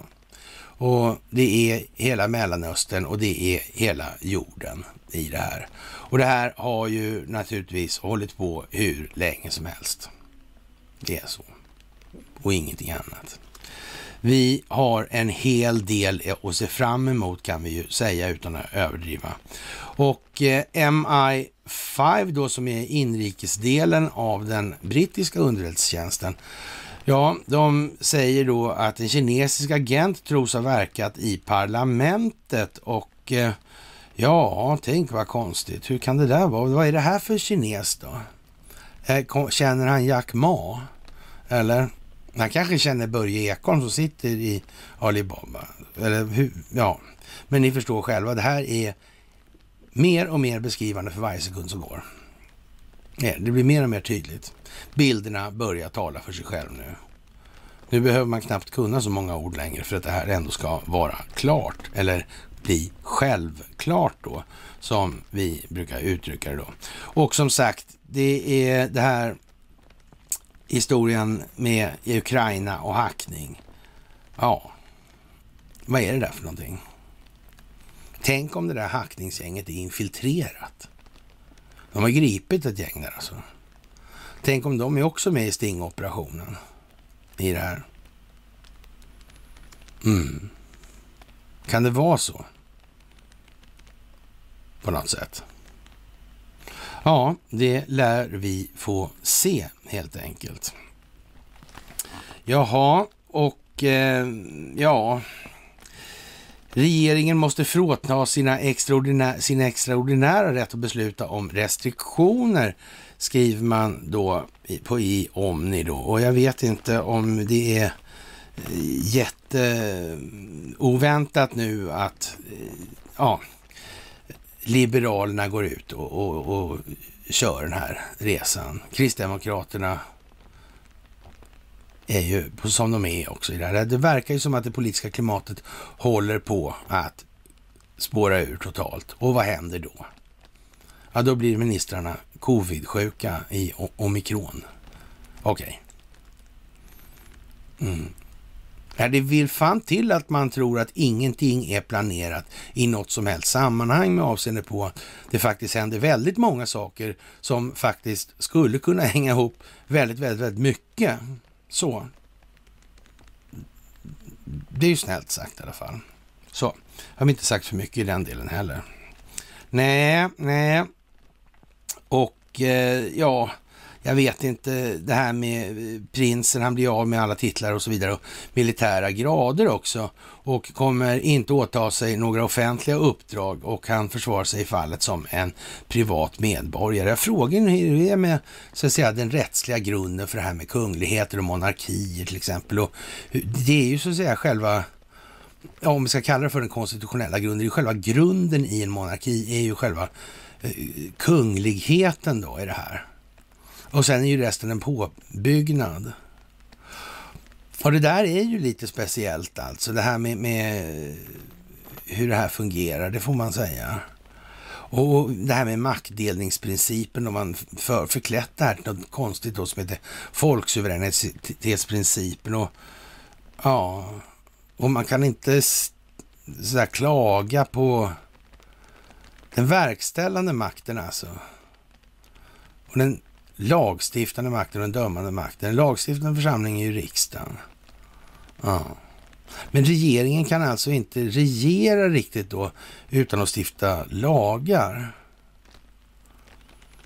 Mm. Det är liksom ingen verkställighet på det sättet nu längre. Det, och det börjar komma fram då det här med det här svenska rättssystemet och den här folksuveränitetsprincipen. Och, och det är ju liksom my ass, så det jävlar det mig. Hej och hå alltså. Hur dumt kan det bli liksom?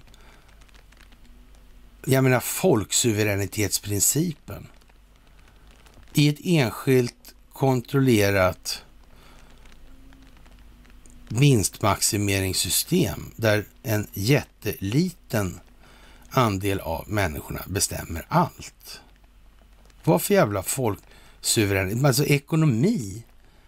Den ekonomiska makten, all offentlig makt utgår ifrån folket. Portalparagrafen, regeringsformen 1.1. Ja. Den ekonomiska makten, den är inte... Ja, då får vi dem... Ni hör själva alltså. Och det här måste exponeras. Det är ingenting man får lära sig på universitetet. Man får lära sig det man ska lära sig för att bevara det här systemet. Så, punkt. Det är bara det. Ja, det är fantastiskt och det är så roligt att få vara med det här. Och eh, ja, vi håller igen lite på covidiotin av det enkla skälet att det, ja, det behövs ju inte så mycket mer. Det spelar sig själv nu. Det är ett självspelande piano. Och eftersom det, den där biter ju inte riktigt. Så ja, jag vet inte. Det är ju ekonomin som kommer bita. Så är det ju. Och den kommer bitas in i helvete om det är det som behövs. Det är som vi sa förra gången alltså. Frågan är hur stor prislappen eller hur mycket befolkningen är villig att betala för att slippa tänka. Det är ju vad det handlar om det här. Och det är ju så det måste det bli helt enkelt. Det finns inget annat. Det är bara så det måste bli. Jaha, som sagt. Lena Melin i alla fall och eh, patrullerande soldater är alltså ett sätt att sända meddelanden till Vladimir Putin och det kan man ju tycka. Och eh, samtidigt tycker Ryssland att veckans samtal med väst är misslyckade och ja, det har funnits vissa positiva tendenser säger man då, men Ryssland vill se konkreta resultat. Biträdande utrikesminister Sergej Rybakov säger då till ryska medier att han inte anser att det finns skäl att hålla nya samtal de närmsta dagarna, rapporterar då AFP. Enligt Ryabkov så saknar USA och de övriga NATO-länderna flexibilitet när det gäller viktiga frågor. Och eh, han säger dessutom då att han inte utesluter att Ryssland kan komma att mobilisera militärt på Kuba och i Venezuela om spänningarna ökar ytterligare, skriver AP då. Och det måste man säga är lite originellt. Det är ju inget steg bakåt i alla fall. Ja, på Twitter skriver Rysslands ambassadör i Organisationen för säkerhet och samarbete i Europa, OSSE, Alexander Lukashevich, att landet kan komma och behöva vidta nödvändiga åtgärder om konstruktiva svar på de ryska förslagen uteblir. Och det är ju liksom upptrappningar alltså. Och Sverige måste trappa upp. Ja. Men problemet är ju att det är människor som måste förstå. Och de här strukturerna kan ju inte ens hjälpa till. De är ju inte gjorda för det.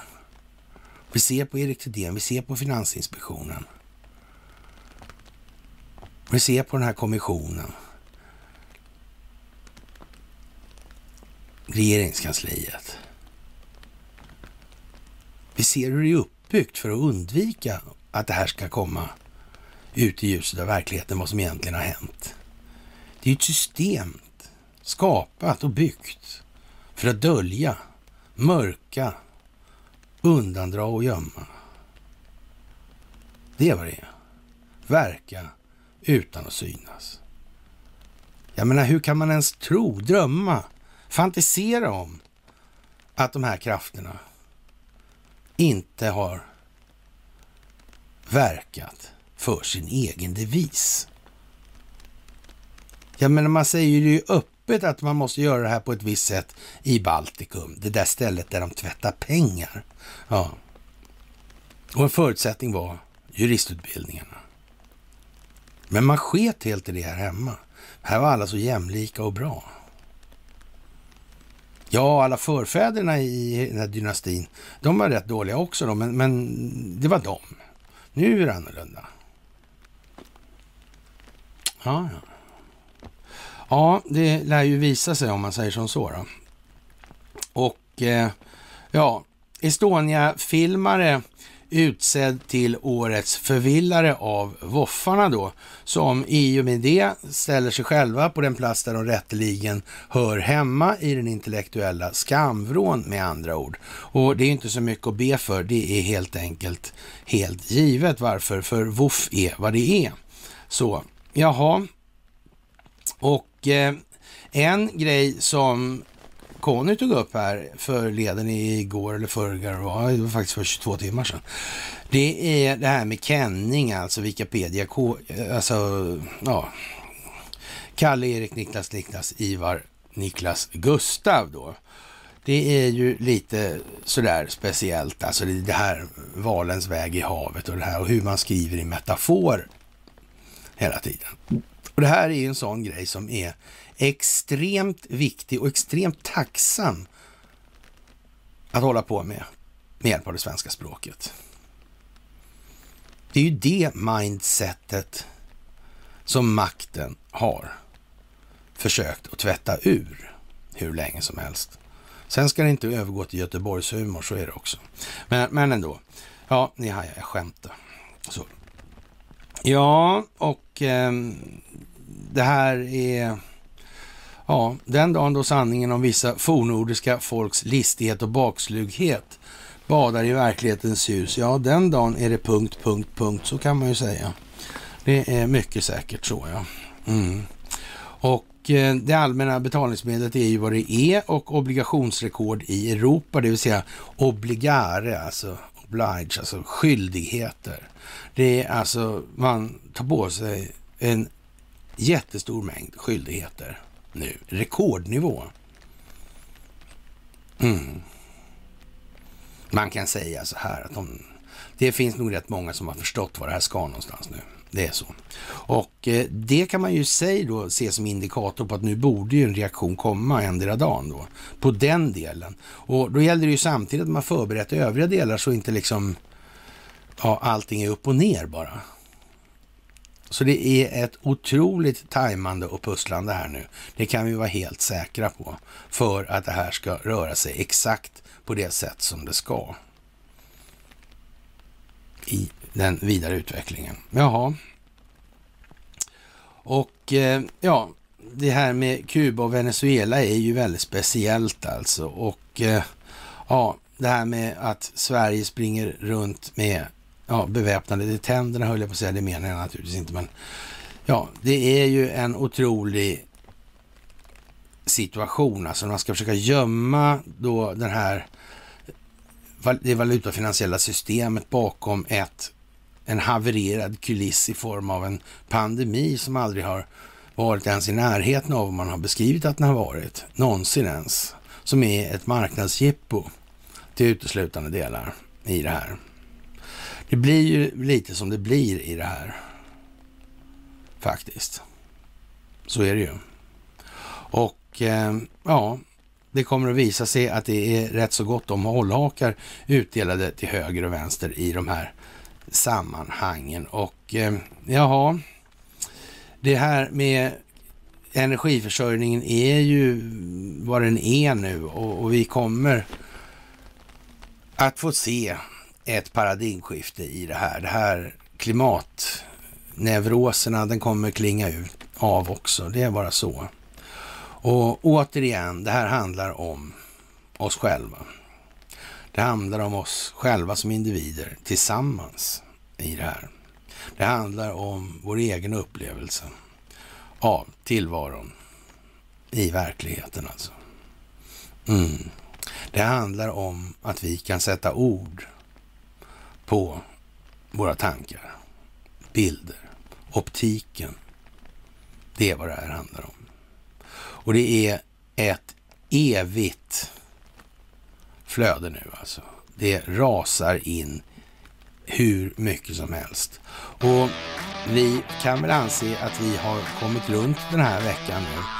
Och det är ju, om man ska säga symptomatiskt nu, att den här gamla historien i Gotland kommer upp. Det är ju faktiskt så. Och det är ju trots allt inte utpassagen i Nordsjön som är frågan, för det är mycket krångligare att ta sig igenom Öresund eller Stora Bält än att passera Gotland. Mm. Alltså, eh, den militära strategiska ordningen i den här frågan, den är lite haltande milt uttryckt alltså. Och dessutom i dagens teknologiska utvecklingsnivå och, och med avseende på skottvidder och så vidare. Ja. Men för all del alltså. Cornucopia, han på den tiden, han, ja, vi diskuterade ju mycket där förr, alltså 20, början på 2000-talet, tre, fyra kanske. Något sånt där. Och han ville inte, han inte hört talas om det här med hur pengar skapades. Mm. Och så kom ju den här boken 11 då. Ja, tänk hur det kan bli. Vad elakt den här generalen där. Med halt var på vänsterbjällra. Mm. Mycket speciellt. Men så blev det inte. Så blev det inte. Märkligt nog. Märkligt nog. Mm. Ja, kära vänner. Med det så tror jag att vi kan anse oss nöjda för dagen och eh, önska varandra en eh, ja, trevlig fredagkväll så hörs vi på måndag. Okej, okay. hej!